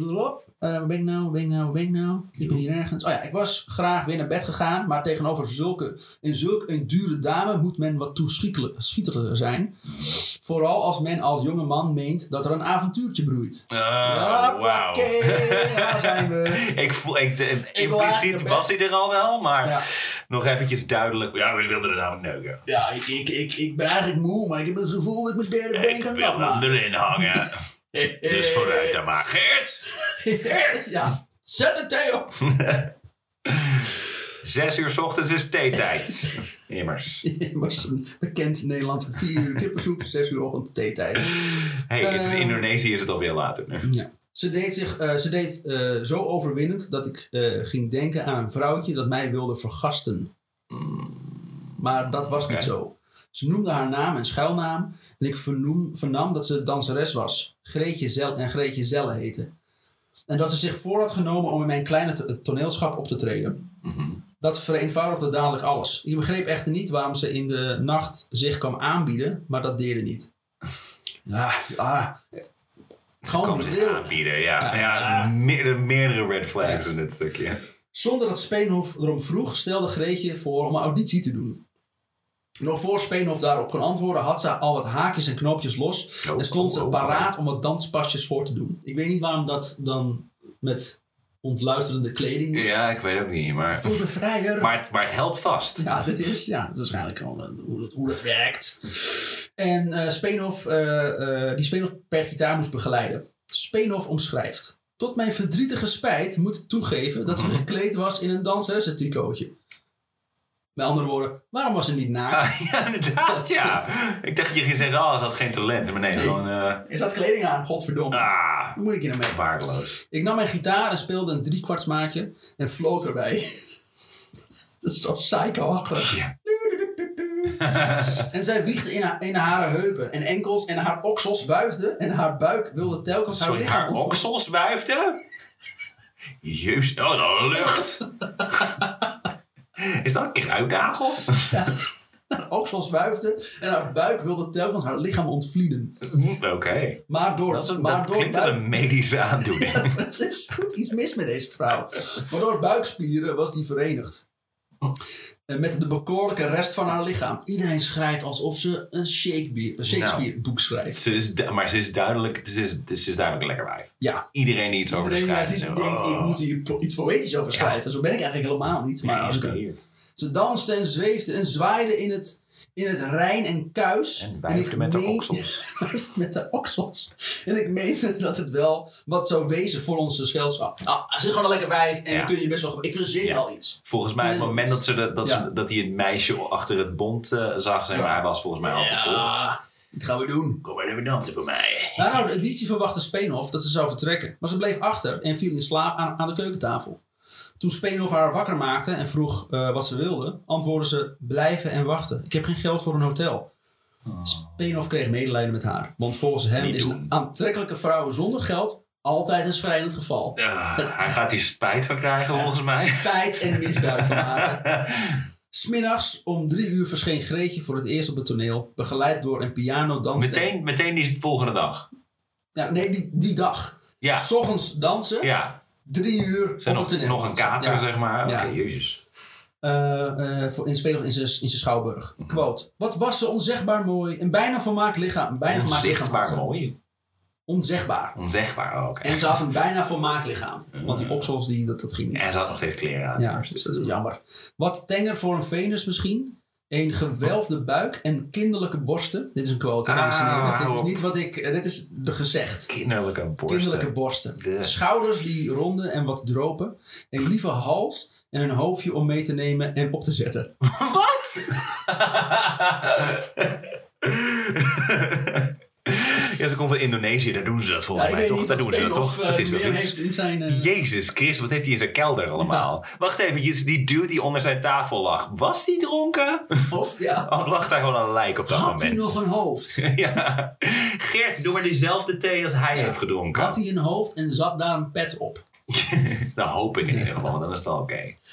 Eh, ik wilde haar eh, Om op te zetten, zei hij dat nou Ja. echt? een lieve hals en een hoofdje om mee te nemen en op te zetten. Jezus Christus. Oké. Ja, dit heeft hij dus achteraf gezegd. dit is, dit is, daar is hij over nagedacht. Hij dacht niet op het moment van, oh, dat kan ik echt niet zeggen. Nee, Nee, ik wil zeggen, dat is niet in het eerste moment dat iemand mij vraagt, dan denk ik, nou ja, ze had een mooi hoofd om, eh, om thuis op te zetten. Je kent het wel, zo op de schoorsteenmantel. Ah, Ah. oude kranten erin. Lekker. Ze, eh, ze wilde haar, hij wilde haar aannemen. Eh, ik wilde wilde haar aannemen. zeker aannemen, Ja, ja. goed aannemen, van onderuit. ook. Ja. als haar gage niet te hoog was. Ik stelde 10 gulden per dag voor. Als ze geen onderdak had, kon ze bij mij in de voorkamer, kon ze bij mij voorkamer krijgen. Mhm. En met bediening. Ik zou mijn vriendin... Met maar met bediening. Ik zou dan mijn vriendin eruit werken. Dus een vriendin. Mijn vriendin, maar bedoelde die vriendin? Vriendin op dat moment? Ja, zijn vriendin. Zo. Die Hij zat is dus wel in de verkocht. voorkamer. En toen dacht hij, die, die ik eruit als jij voor jou. 10 euro per dag bij mij wil komen Hey, dansen. wuiven jouw oksels ook? Nee, nou precies. Op donder. Ja, ja, ja. Het leven in Holland bevalt haar nauwelijks. Nadat ze haar minnaars gevonden had, eh, hoefde zij zich financieel gezien minder zorgen te maken. Dus had ze de, de ruimte en, en, en ze had de ruimte om te zaniken over alles ja, weer. Dus, ja, ze had het goed, dus dan begint het gezeur. Ja. Maar opwindend was het leven hier niet. Zelfs niet met een rolletje in het cabaret van Klo- Koos Speenhof. Eind 1903 vertrok ze naar Parijs. Ze Oh. poseerde daar als model voor de schilder Octave, daar gaan we, Octave Guillaumet en zijn vriend Gustave Assir. Oké. Guillaumet gebruikte haar hoofd als model voor een affiche van de opera op- Messaline. Het opgezette hoofd? Of? Weer een hoofd. Ja. Hier verdiende ze overigens niet veel mee. Straatarm keerde ze nog datzelfde jaar terug naar Nederland. Eh, Ze ging wonen bij een oom van John. oh, Ja, toen John daar er lucht van nog wel kreeg. contact met de familie. Nou ja, niet goed. Toen John hier lucht van kreeg dat een familielid onderdak gaf aan het rep represailleschepsel van de bedorven groentenatuur, zorgde hij ervoor dat Greta uit huis werd gezet. Opnieuw zocht zij het avontuur. Opnieuw vertrok ze naar Parijs. En deze keer zag zij het als haar la- allerlaatste kans. Zo zegt zij later: Ik heb een revolver klaar en mijn besluit was reeds genomen. Oeh, Dus als, als dit niet lukt. There's a ticking clock, ladies and gentlemen. Ja. Ze trad in dienst van het Circus Molière onder de naam Lady MacLeod. Oké. En als Amazone deed ze het niet slecht. Van haar vader had ze duidelijk de liefde voor paarden. Amazone is... Oh, ze een Op- rijpaard ja, op een ja. paard staan en, en, dingetjes doen. Oké. Oh, dat doet het goed. Yay. Wat wuivende oksels. Ja, ja, variété. Van haar vader had ze duidelijk de liefde voor paarden en het rijden georven. Veel eer viel er met dit beroep niet te halen. De directeur van het circus raadde haar aan te gaan dansen met je oksels. In een artiestenkroegje in eh, Rue de Berthe in Parijs, Parijse wijk Montmartre, begon ze haar carrière. Een paar minuten per avond danste ze hier in een wijde harenbroek. Een soort slangendans op een habanera-achtig ritme. Yeah. Heb je een beeld voor je? Ja hoor. Een Matahari-achtige... Ja, zoiets. Dit is niet Matahari, toch? Nee, oké. Veel aandacht kreeg ze Matahari komt ook uit Friesland. Oh ja? Is that where we're going? Veel aandacht kreeg ze niet en veel heeft ze met haar optreden niet verdiend. In deze periode werkte zij eh, ook in een eh, maison de rendezvous, wel vertaald een chic hoerenhuis. Ja. Voor een, uiteindelijk toch daar aan ja, voor een rendezvous vroeg ze duizend franken. Dat klinkt als veel. Dat is heel ik heb veel. geen idee wat dat Tussen, de, tussen, de, tussen het rendezvousen, eh rendezvousen en de optredens maakte ze toch naam in de wereld. En werd begin 1905 uitgenodigd om in een salon van zangeres Kirevski te dansen. In haar salon liet Greetje voor het eerst eh, eh, haar Hindoestaanse dansen zien, waarbij sluiers rondzweven en dan worden afgeworpen. Een van de gasten viel Greetje op, een zekere Emile Gumet, oprichter, van directeur, eh, oprichter en directeur van Musée de Religions, dat ook wel Musée Gumet eh, genoemd wordt. Ik verkracht alle namen trouwens. Dit is niet hoe het waarschijnlijk uitspreekt, maar I don't give a shit. En tegenwoordig Musée National des Arts Asiatiques Gumet heet, of zoiets. Hij nodigde de danser, eh, danseres uit om in zijn museum een voorstelling te geven. Veel van zijn vrienden, of het nu gaat om kunstenaars, politici of bankiers, hadden belangstelling voor de Oosterse wereld. Gumet zelf was een wereldreiziger en had tijdens de, zijn vele reizen inmiddels een flinke kunstcollectie verzameld, slash gejat. Eh, hetgeen hij op, eh, op een avond aan iedereen wilde tentoonstellen. Ja. Hij kon de danskunsten van Greetje hier goed bij gebruiken. Eén probleem, een danseres met de naam Greetje Zelle klinkt niet echt Oosters. Nee. Ook Lady MacLeod is niet een goede vervanger. Zij stelt een andere naam voor, wat in het Maleis oog van de dag eh, betekent. Als je Matahari zegt, ga ik iets aan jou gooien. Oftewel, zon. Gumet stemt erbij in. En voortaan zal zij door het leven gaan als Matahari. Ja! Oh, wat goed. Oh! Oh, wat gênant dat ik het... Oké, Ja, het heeft echt heel lang geduurd. God damn it, bastard. dat ik in de raad had. Oké, oh, oh, cool. Oh, Ah, oké. bankiers, politici, advocaten, industriëlen en journalisten bevolk, eh, bevolkten de hal van het Musée Gumet aan de Place de, de Lien. Ik begrijp niet waarom ik al die Franse namen hier heb gezet. Om mezelf echt, ik heb er geen hekel aan mezelf natuurlijk. Op de eerste rij zitten de ambassadeurs van, eh, van Japan en Duitsland. Emile Gumet treedt naar voren. Hij wil graag een korte inleiding geven op de voorstelling van vanavond. Quote. Ik verzoek u, mijn dames en heren, zich voor te stellen dat dit de feestdag van de god Shiva is. De priesters hebben zich gereinigd en zodra de zon boven de kim verschijnt, begeven zij zich in de optocht naar de tempel om Shiva te wekken. Eerst bidden zij ter ere van het feest en van hun god. De ritus gaat verder. Shiva krijgt het heilige gangerswater aangeboden. Heerlijke muziek klinkt van alle zijden. Dan volgt het hoogtepunt. De priesters bieden Shiva de heilige dansen aan. Daar zijn reeds de danseressen. Lichten gaan uit. Alleen een aantal kaarsen branden nog. Zes dansere- danseressen gekleed in zwart komen op. En nu, en nu dan, vervolgt Dumé. Hier verschijnt de hoofdpersoon van deze heilige dansen, de Bayadera. Waarschijnlijk. Dames en heren, ik stel u voor, speciaal uit India, voor ons overgekomen Matahari. Matahari! Margarethe Zelle uit Leeuwarden heeft het dan eindelijk na al die jaren voor elkaar. Ze staat op het toneel, alle aandacht op haar en, op haar en alleen haar gericht. Yeah. Zij loopt langzaam het toneel op. Zij voert twee dansen uit. De eerste begint zo rustig, bijna loom. Uh, en bij de tweede dans voor de krijgsgod Subramanya zweet de muziek haar langzaam op. Steeds gevaarlijker zwaait zij met een lans en de kris. Ik wil niet op de eerste reizen. sluier na sluier werpt zij af. Dat is gewoon een striptease. Zij beweegt zich wild over het toneel. Wild, wilder. Ze doet nog enkele passen, staat stil en valt uitgeput op de grond neer. En het publiek houdt het niet meer. Ze staan te juichen, te applaudisseren, schreeuwen naar elkaar: Dit is kunst! Ze rennen op. Dit is geen porno! Dit is kunst, kijk maar, want er staat muziek bij. Ze rennen op Dumé af en bestoken hem met vragen. Wie is die vrouw? Waar komt zij vandaan? Dumé weet niet zo goed hoe jij dit moet beantwoorden.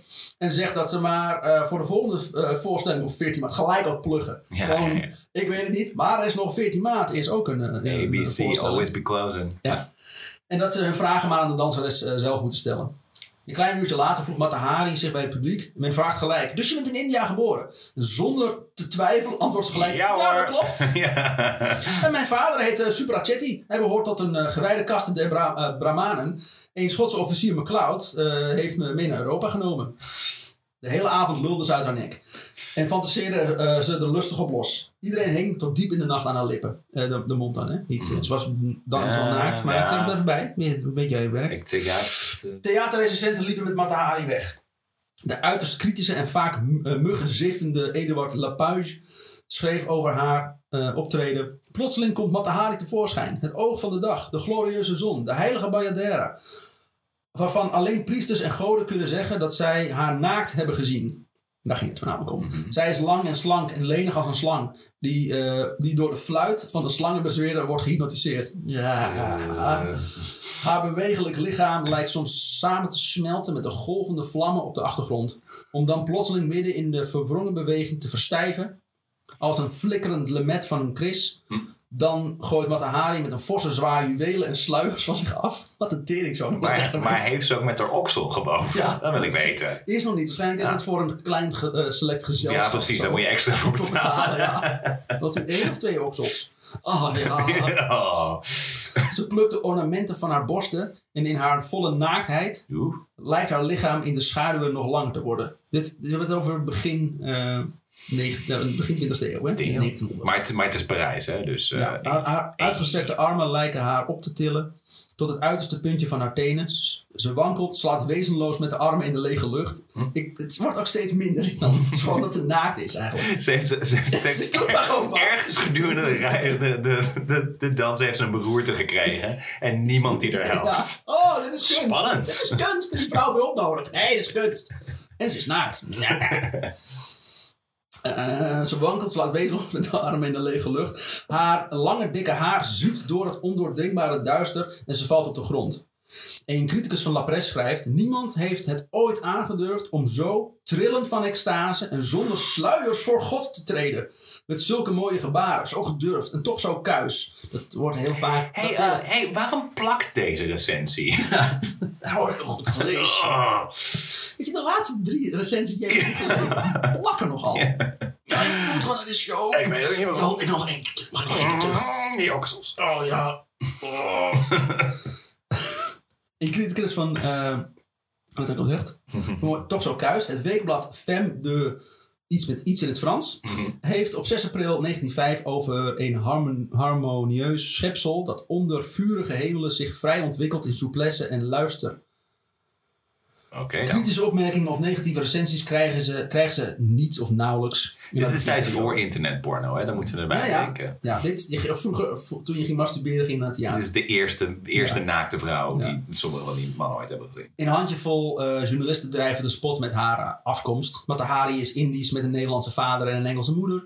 Maar meer, meer negatief is eigenlijk niet te vinden over haar. Maar wacht even, wat is precies... Is het, is het negatief dat ze in Indonesië heeft gewoond en dus niet, eh, eh, Ze- en niet helemaal Nederlands is? Of is het negatief niet dat ze... Is ze niet buitenlands genoeg of is ze te buitenlands? Nee, ik denk dat sommige mensen het houden van ze is niet Indisch. Ja. Dit is gewoon een act. Ja. Ja, klopt. En, eh, maar daar wordt niet echt naar geluisterd. Door lovende kritieken wordt Matahari in bijna elke salon in en rond Parijs geboekt. Salons zijn echt een soort van privé-optredens van rijke, rijke stinkers. Ja.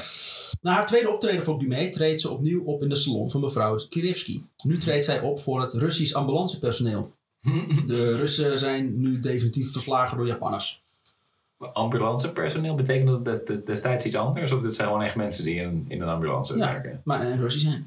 Maar die zijn toch redelijk working class, neem ik aan. Die zijn, worden toch waarschijnlijk niet uitgenodigd tot een salon? Ja, maar waarschijnlijk was het, waren heel veel benefiet eh meuk destijds. Oh, oké. keer, goed. ze danste drie keer voor baron Henry de Rothschild. Dat is wel Ja. bankiersgeslacht. Ja, dat is van waar iedereen, eh, de Rothschilds, dat zijn Ja, allemaal van Rothschilds, conspiracy ja. theories over. Eh, het gebeurde al amper dat iemand twee keer in dezelfde salon eh, zou dansen. Dus drie keer is helemaal een unicum. Wauw. Ze trad op in de salon van eh, Cécile Sorel, een van de bekende actrices van Comédie Française. Ook eh, voor eh, fabriekseigenaar Gaston Meunier, eigenaar van de grootste chocoladefabriek van Frankrijk. Dat hoef je mij niet te vertellen. Maar die was die avond ook aanwezig. Enkele dagen later trakteerde Matahari zijn gasten op haar dansen. Gaston was eh, zeer onder de indruk van haar schoonheid. En hij was ook verwoed amateurfotograaf. Dus hij vroeg eh, haar om voor hem te poseren. Waar zij een aardige som geld voor vroeg. Ik dacht echt even, amateurfotograaf klonk alsof hij gewoon een camera mee had gesmokkeld, zeg maar. Maar destijds was het niet, het, het was niet zomaar even een camera. Nee, het precies, was gewoon een doosje en moest met magnesium en dingen. Als je destijds inderdaad illegaal een film wilde filmen, dan was, dan was het redelijk aanwezig. Ja, het was, het Oh, opvallend. Ja. Eh, hij fotogra- eh, fotografeerde haar buiten op het gezon in de vol ornaat en bijna naakt. Het gaat om het bijna. hè? Anders is het porno. ja. Het is kunst. Dus dit is, dit is, Dit is kunst, kunst. Wat mensen nog steeds nou gaan schreeuwen. Ze schreeuwen ook. Dit is kunst Dit is hoor. kunst, ja. Dit is allemaal oké. Ik spreek je niet tegen. Jezus, ik ben bij. Vooral tegen je vrouw. Dit is kunst. Ja. Oh, ja, ja, zeg. In mei danste zij op een avond bij de operazanger Emma Calvé. Calvé was een van de meest geliefde gastvrouwen van Parijs en had eh pindakaas. Een romantische, extravagante, charmante vrouw. Bij haar hoorden vele legenden, en bijna allemaal door haar zelf verzonnen. Romanschrijfster eh Gabriella Colette was eh, op deze avond ook aanwezig. Zij schreef op 23 eh, december 1923 in La Figaro over Matahari. Matahari danste amper, maar wist zich langzaam uit te kleden. Wist Dit is een vrouw, hè? Ja. Zij is niet, Ja, zij is zeg maar immuun voor de, voor zij, de zij ziet dit bullshit. niet als kunst. Die weet gewoon donders goed wat hier aan de hand is. Eh, maar wist, wist een lange, sterk gebruind, slank en trots lichaam te, te bewegen. Mhm. Overal, eh, overal uitgenodigd, overal betaald. Begon zij naakt aan haar eh, recital te dansen.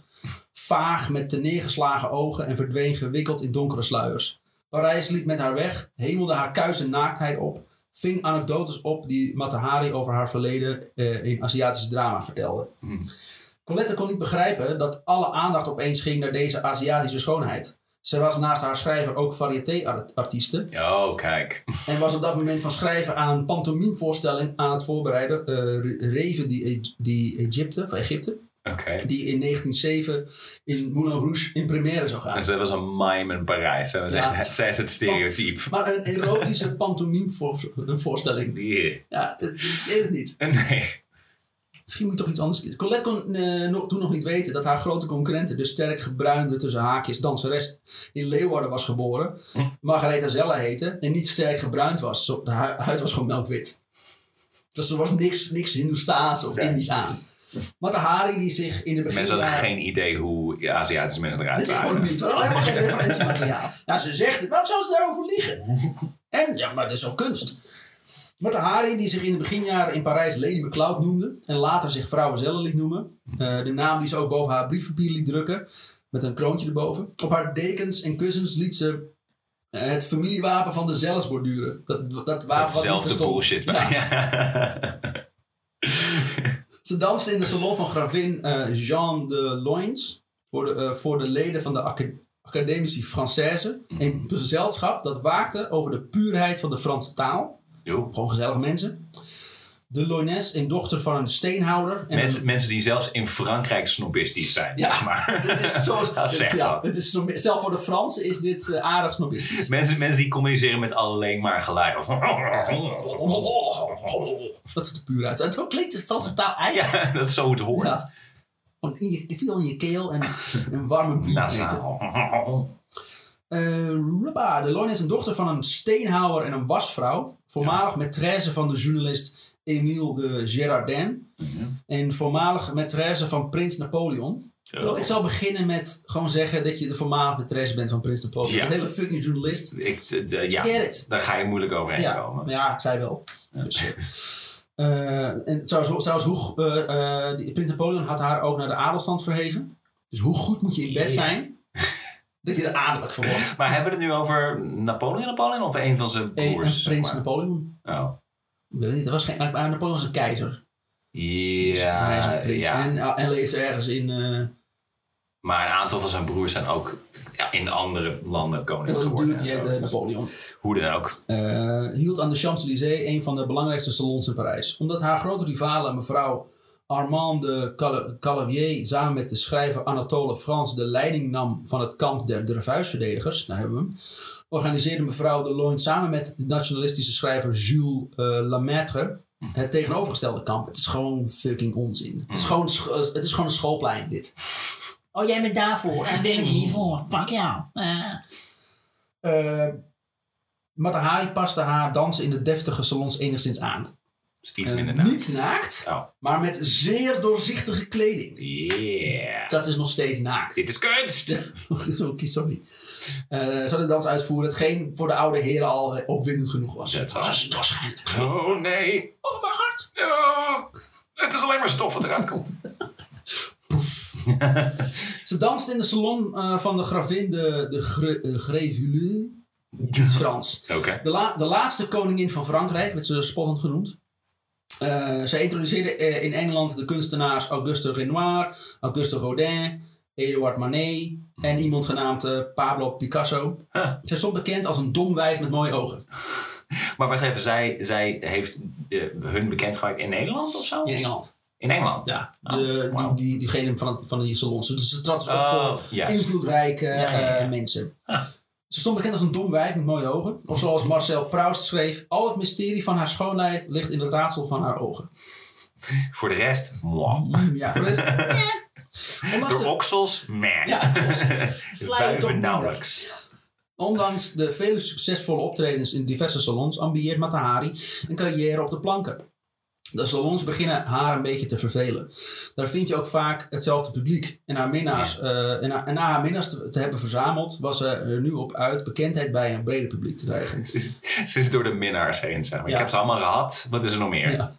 En dus naast geld, wat ze onder andere kreeg van haar minnaars en ook van haar optredens in de salon, Mhm. kreeg ze daarnaast ook meer aandacht voor een breder publiek. What I really want to do is direct. Op 1 april, slechts twee weken na haar debuut. Dus is dat de, alles wat je hoort. Is, Is, in dit was twee weken? Ja, Jezus. heeft Matahari haar doorbraak bij het grote publiek voor 300 leden van de vereniging amateurfotografen.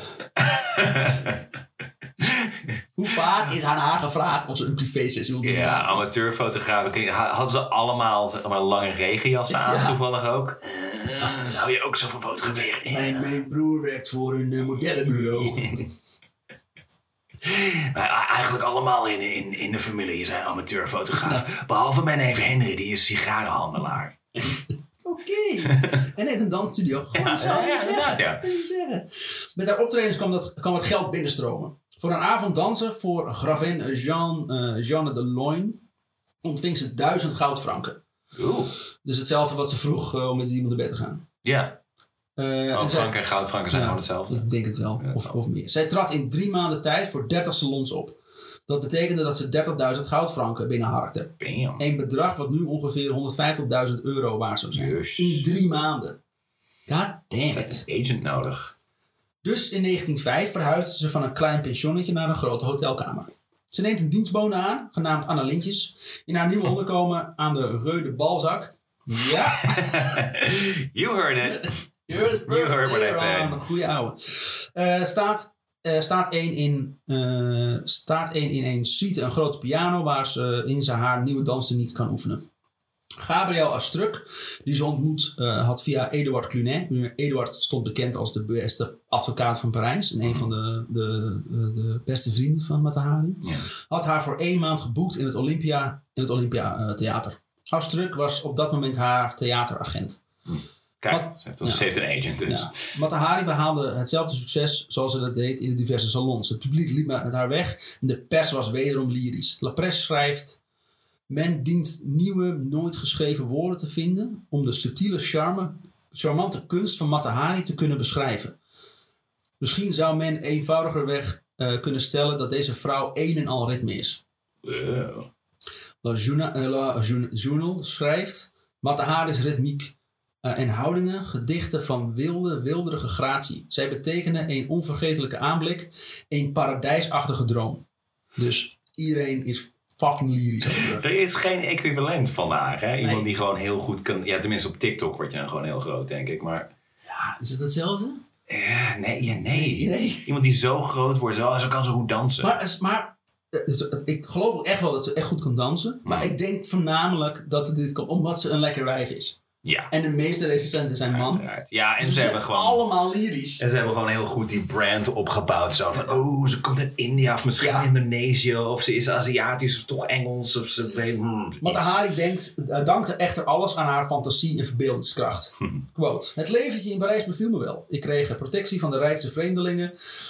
En aan de handigheid om eh, daarvan te profiteren ontbrak het mij niet.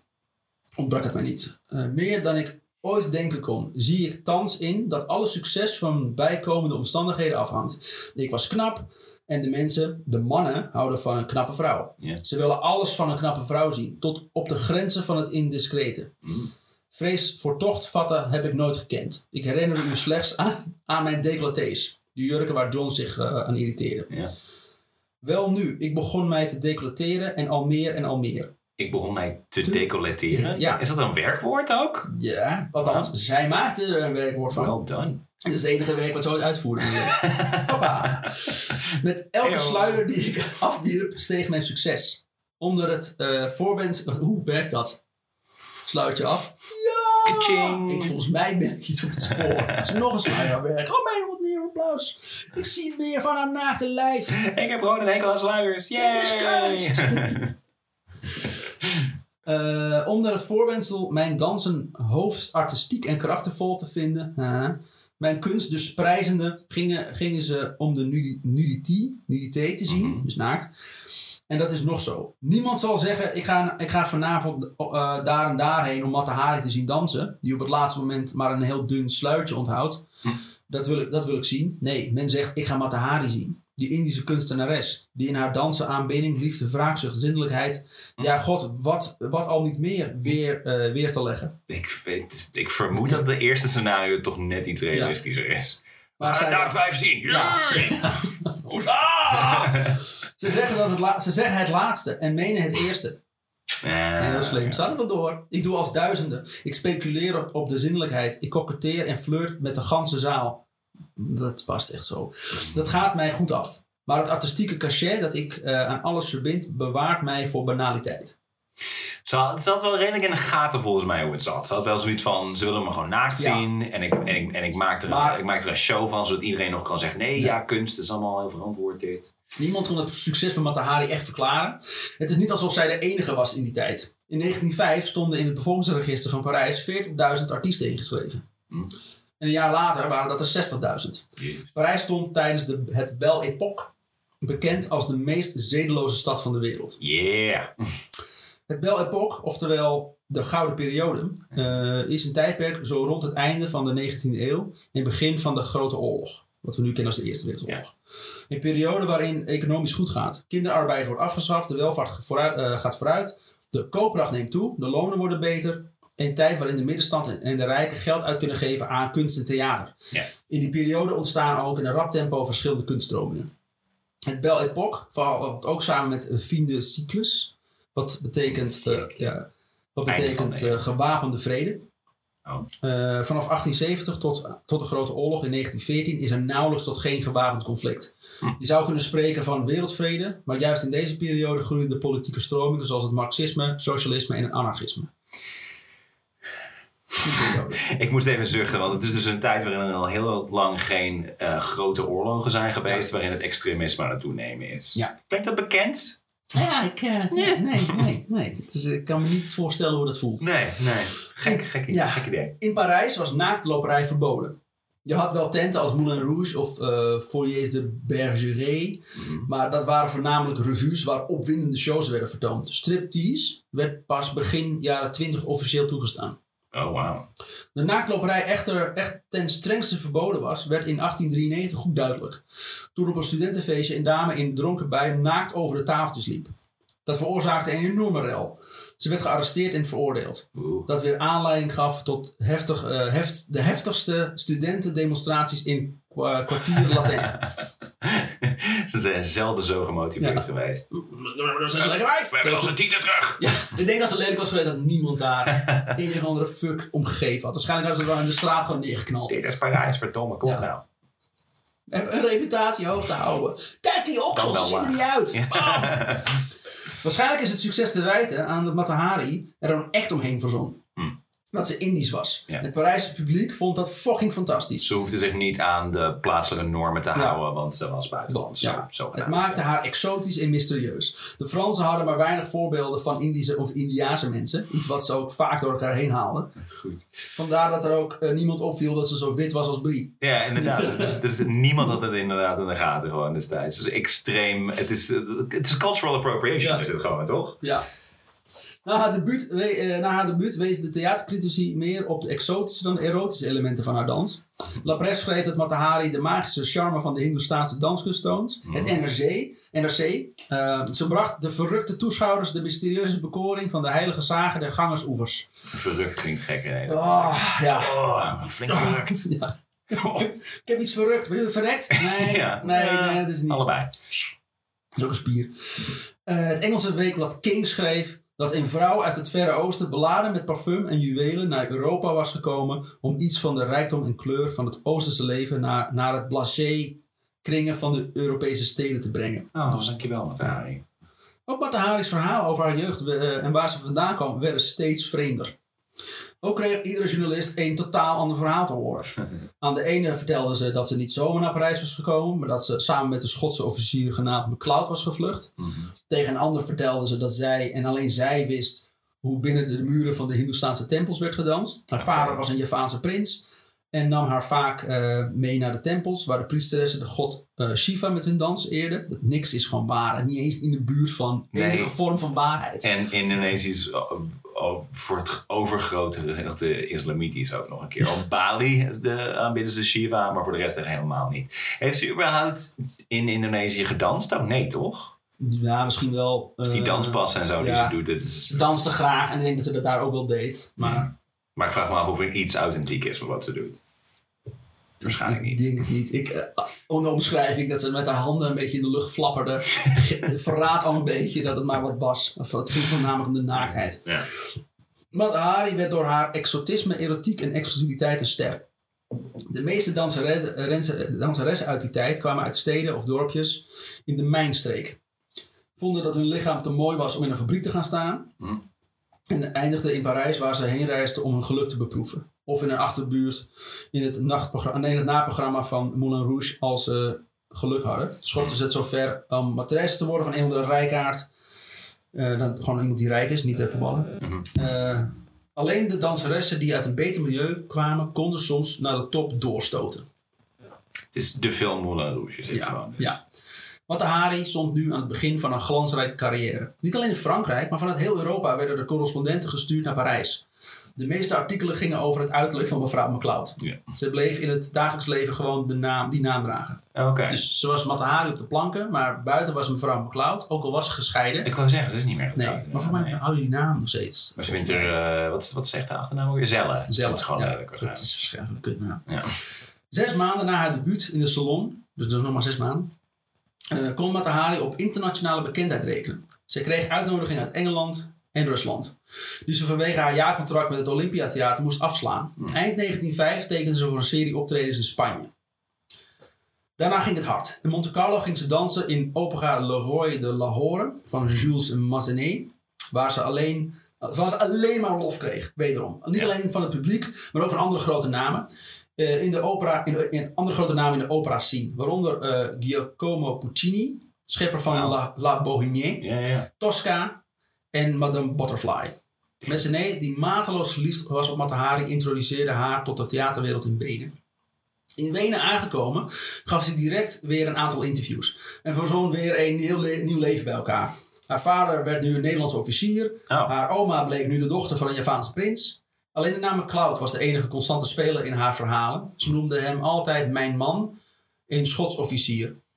Ze treedt hier een aantal keer op voor een kleine, wat grote zalen. Ook hier is iedereen weer onder de indruk van haar danskunsten. Na ruim twee jaar gedanst te hebben, vond Matahari het wel weer tijd voor een nieuw avontuur. Inmiddels had Matahari een relatie met Albert Kiepert. Een groot grondbezitter en luitenant van het 11e regiment de Huzaren in Westfalen. Kiepert had, woonru- ja, Duitser. Kiepert had woonruimte voor haar in Berlijn geregeld. Ja. En eh, gaf aan haar meestal eh, bergen met cadeaus. Dus is de eerste, hier, hier begint de link met Duitsland. Ja, zeg maar. hier begint een klein wordt- dat beetje wordt de voorschuiving. eh, Mhm. Gek genoeg, die komt nog terug. Samen met Kiepert vertrok ze op 15 januari 1907 voor twee maanden lange vakantie naar Alexandrië in, in Egypte. Nice. Iets wat voor die tijd eh, alleen was weggelegd voor excentriekelingen. Dus niemand ging echt... eh ben je heen op vakantie, Texel? Nee, ik ga naar Egypte. Wat? Ja, ik wil zeggen, dat was destijds toch ook echt heel ranzig en zo. Ik, bedoel- ik bedoel, qua ziektes en weet ik het allemaal. Maar volgens mij was de hele wereld één grote tering zo. Ja, Dus precies. Het eh, grootste deel van de wereld. Samen met eh Kiepert, ja goed, ze was dus weg naar Alexandrië. Voilà. Op de boot naar Alexandrië werd ze geïnterviewd door eh, René Poutot. Mhm. En zij wilde hem wel een primeur geven en ze vertelt hem dat ze Berlijns is geworden. En oké. dat ze nu Duits sprak. Dat viel vrij kut Ze heeft nu 27 nationaliteiten. Ja, Ja, ze ik ben Javaans, een eh, Schots, een Nederlands, een Duits. Ja, met alles. Met een hele met één grote multiculturele samenleving. Sowieso denk ik dat er heel veel multicultureel zaad in haar is. Absoluut, ja, inmiddels. Ja. Eh, ze vertelde, eh, ze wilde hem een primeur geven. Dus ze zei dat ze, dat ze Berlijns- is geworden en dat ze Duits sprak. En dat viel vrij kut bij de Parijzenaren. Waar op dit moment een anti-Duitse sentiment hoog oplaait. Ook vertelde ze Ik hem... hoop dat dat niet uit de hand loopt, die, eh, Ja. dat, dat sentiment. Pas, dat, denk dat het wel... Ah, daar gaat, gaat gaat vanzelf niks over. mee gebeuren. Komt goed. Ook vertelde ze hem dat ze het dansen vaarwel had gezegd. Oh, oké. Ze dacht namelijk dat, na, na, dat, dat haar comeback na twee maanden eh, dan heel groot zou zijn en veel meer aandacht zou trekken. Maar ze, is, ze heeft nu een carrière van zes maanden. Ja, Is nou, ze heeft twee twee, jaar gedanst. Oh, twee jaar wel, Ja, oké. Dacht Dan ik, ik nog, moet, eh, ik moet een beetje wat, eh wat P.T. Barnum ook deed. Exclusiviteit Ah, ja, ja, ja. creëren door een lulverhaal. Of wat B.B. King doet, zeg maar, dat elke tour zijn, zijn afscheidstour is. Ja. De laatste was het dan ook Hij wel. was natuurlijk wel dood, dus... maar dat heeft hij wel. En John Cleese doet het volgens mij ook. Dat hij elk jaar zo... Dit is nou echt de allerlaatste nou, keer. Stones hebben dat lang gedaan. Ja. In de, rij, eh, in, de, in, de, in, de, in de rij gelegen, in de regen, voor een kaartje van de afscheidstour van de To- Stones. Want vroeger moest je 25 het nog ha- halen bij een fucking boekhandel. ja. Doet, doet, doet, doet, doet, doet. Eh, ja, dus ze- ze- twee, maanden, Ja. twee maanden gaan, zou ze weggaan. Dan, ah, dan komt toch weer terug. Yay. Dat pakte echter niet eenmaal uit hoe ze dat had uitgedacht. Ja. De andere Parijse danseressen die dit nieuws lazen, wierpen zich op de Hindoestaanse dans en gaven perfecte imitaties van haar Oh. voordrachtkunst. Terug uit Egypte verbleven Kiepert en Matahari nog enkele dagen in Rome. Hier schreef ze naar uh, Astruc, dus de, eh, de theateragent, met het verzoek of zij mocht optreden in, St in Strauss Salon, maar ze kreeg geen antwoord. Dus besloot ze, besloot ze samen met Kiepert terug naar Berlijn te reizen. S'avonds nam eh Kiepert haar mee naar verschillende feesten en binnen, binnen no time kende Matahari talloze leden van de Berlijnse Society. In haar flat ontving ze gasten met wie ze dineerde. Zoals de 27-jarige George Wilhelm, hertog van, Cam- van Cumberland, hertog van Brunswijk en Lunenberg, Jezus. prins van Groot-Brittannië en Ierland. Dat is één persoon. Hij, was zich, hij, hij heeft zich voorgesteld en zij was al van, oh, laat maar. God damn it. Keer als hij ook de ruimte Nee, vraag niet hoe die heet. Ja, fuck. Ze zijn naar de wc gegaan, ze kwam terug en ze nog steeds niet klaar met zijn voorstellen. En Ierland. Al deze titels gingen naar het overlijden van George Wilhelm. Naar Ernst August, met wie Matahari ook een intieme relatie had. Ja. Matahari had het voor, goed voor elkaar eh, in Berlijn. Ze had een man die om haar gaf. Eh, die haar gaf wat ze wilde. Ze kon feesten hoeveel ze wilde. En deed het met iedereen hoeveel ze wilde. Een mooie, mooie, mooie verspreking ook. Die om haar Ja. gaf. Oh nee, die haar Ja. dingen gaf. Oh ja, Dat was iets anders. ja, dat is belangrijk inderdaad. Freudiaans. Eh, maar eind 1907 kwam er een einde aan de relatie tussen Kiepert en eh, Matahari. De voornaamste reden was namelijk dat de vrouw van Kiepert erachter kwam dat hij een affaire had. Wacht even, was dat, wisten we dat, dat, dat hij gewoon getrouwd was? Nee, dat heb ik niet meer gelaten. Ah, luister. Lekker. Eh, en eiste dat Kiepert een einde aan de relatie eh, zou maken. Kiepert kwam met het voorstel om Matahari... Hij, wacht, is hij, hij is twee maanden met haar naar Egypte geweest, Ja. toch? Ja. En die vrouw was niet mee. Dus Oh, ik lekker weet niet hoe dat vroeger werkte. Nou, hij heeft nog Tegenwoordig best wel volgehouden. Tegenwoordig als je raar in je telefoon kijkt, is het al, oh mijn god, waar heb je een andere vrouw? Dan vroeg Ja. je gewoon twee maanden tussenuit na je naar Egypte. Nee, zakenreis. Ja. eh. Oké.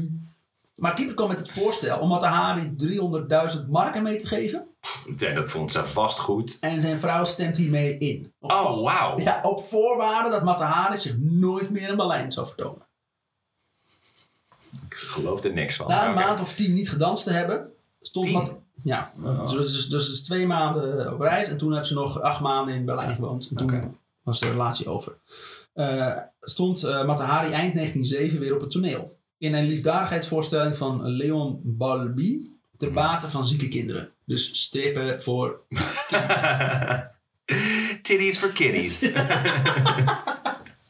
Dat is een themaavond, mensen. Op Oudejaarsavond bracht Matahari met haar dansen nog wat plezier op een feestje van actrice Alette Dor eh, Dorgere. Maar deze optredens gaven haar niet de comeback waarop ze had gehoopt. Teruggekomen in Parijs kwam ze erachter dat een tiental danseressen succes oogsten met Shiva-dansen. Shit. Aan iedere journalist vertelde ze in 1908 dat ze een lange studiereis had gemaakt door Egypte en India, ze niet was geweest trouwens, eh, had gemaakt voor haar repertoire. Maar dat maakte nul indruk op nog het publiek, nog de theaterdirecteuren. Oh. Over imitaties van Matahari eh, van haar- dermate, eh, was ze dermate boos dat ze tegen een journalist zei dat ze voortaan alleen nog maar in een lange gesloten jurk zou dansen. Omdat hij. Ja. Hit him where it hurts. Nee. Don't do it. En die oksels dan.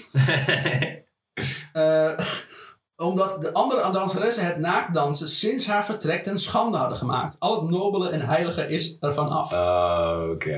Je bent zelf ook gewoon een fucking Ja. bullshit artist. En dan Klopt, ja, nee, dit is echt een heilige dans die ik bij de tempel heb geleerd en Ja. zo. Maar wat zij doen, dat is allemaal een beetje. Het gaat alleen maar om naakt. Dat is geen en, eh, kunst. Dat is precies, alleen dit is kunst, wat Ja. ik doe.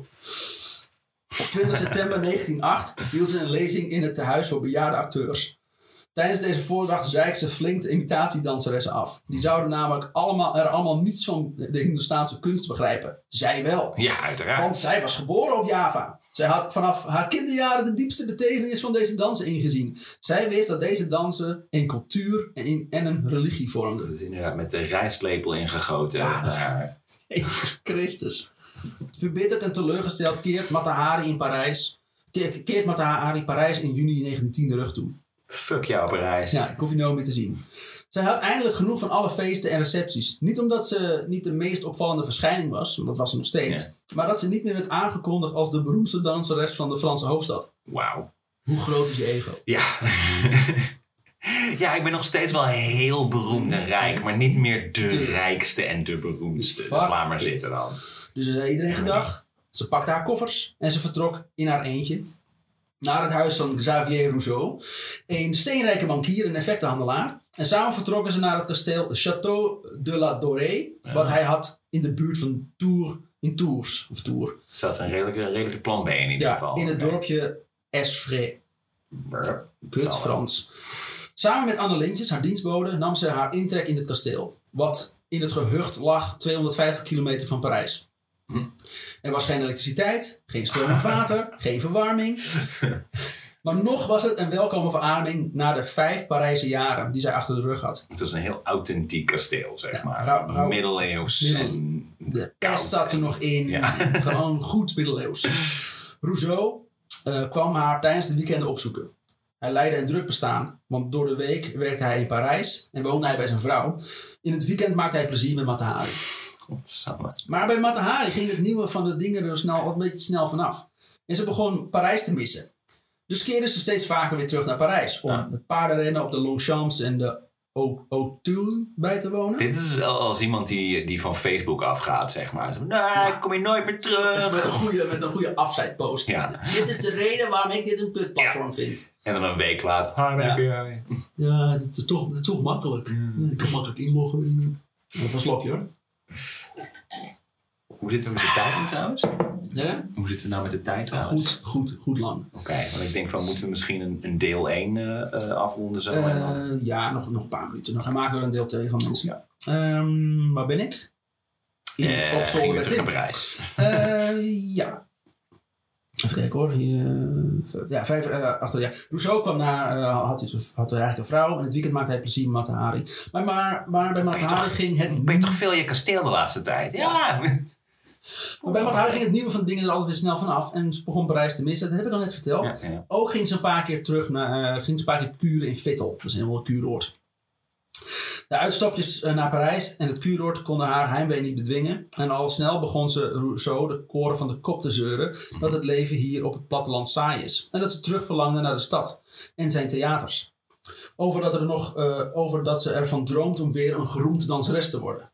Het is, het is gewoon... Ik, ze was nog beroemd, maar ja, ik, wil weer, beroemd. ik wil weer bovenaan maar ze, ze, is, ze, wil geroemd worden. Ze wil dat iedereen aan haar lippen hangt. Nogmaals, de mond. Andere lippen. Niet die lippen, zo ben ik niet. Dus eind 1911 huurt hij een huis voor haar in uh, Neuilly. Fucking kut Fransen. Okay. Even buiten Parijs en kocht een heleboel, een hele inboedel, een heleboel inboedel, een hele inboedel voor in dit huis. Okay. Dit waren de laatste uitgaven die Rousseau uitgaf aan Matahari. Niet omdat zijn vrouw erachter kwam, maar omdat hij in anderhalf jaar tijd 125.000 franken doorheen had gejaagd. In 1911 zat hij, de bank hier volledig aan de grond en werd niet veel later failliet verklaard. Maar dus- aan haar ook? Ja, aan haar. Oh. Hij is failliet gegaan aan haar. Jezus. En sleet zijn verdere leven uh, voort als champagnevertegenwoordiger. ja. Dus, hij, dus hij, hij, was zelf aan de grond, maar hij moest wel zeg maar de duurste drank die er was verkopen ja, aan mensen. Dus uh, waarschijnlijk de drank die hij ook oh. zelf heel hard, heel veel gedronken had. Ja, datzelfde jaar. Die hij zelf niet meer kon betalen nu. Ja. Inmiddels. Ik uh, oh. kan hem aanbevelen. Ik had hem vroeger zelf ook. Hoeveel mannen heeft ze inmiddels kapot gemaakt? heel veel. En er worden nog meer. Rousseau's faillissement kwam Matahari's reputatie niet ten goede. Voor 1911 vond iedereen het fantastisch om aan de arm van Matahari te lopen. Mm. Na 1911 was het... liefst aan oksel natuurlijk, maar ja. ja. Die wuifde vaak. En, en na 1911 waarschuwden de heren elkaar voor Matahari. Als je je met haar inlaat, met die vrouw, dan trekt ze je helemaal leeg. En niet op die manier. Teken je, dan teken je je eigen faillissement aan. Toch uh, uh, uh, kreeg ze het voor elkaar om zich te laten onderhouden door een aantal mannen. Zwangerschap wist tij, steeds te voorkomen. Waarschijnlijk doordat ze de, door de syphilis en de kwikbehandelingen min, inmiddels onvruchtbaar was geworden. Oh ja, good for her. Ik vind dat een mooie toon om deze versie van de podcast maar af te Syphilis. Ik vind, ik vind altijd, als het kan, stop op syphilis. Ja, stop op syphilis en dan gaan we dan straks door met syphilis. Yeah, deel 2.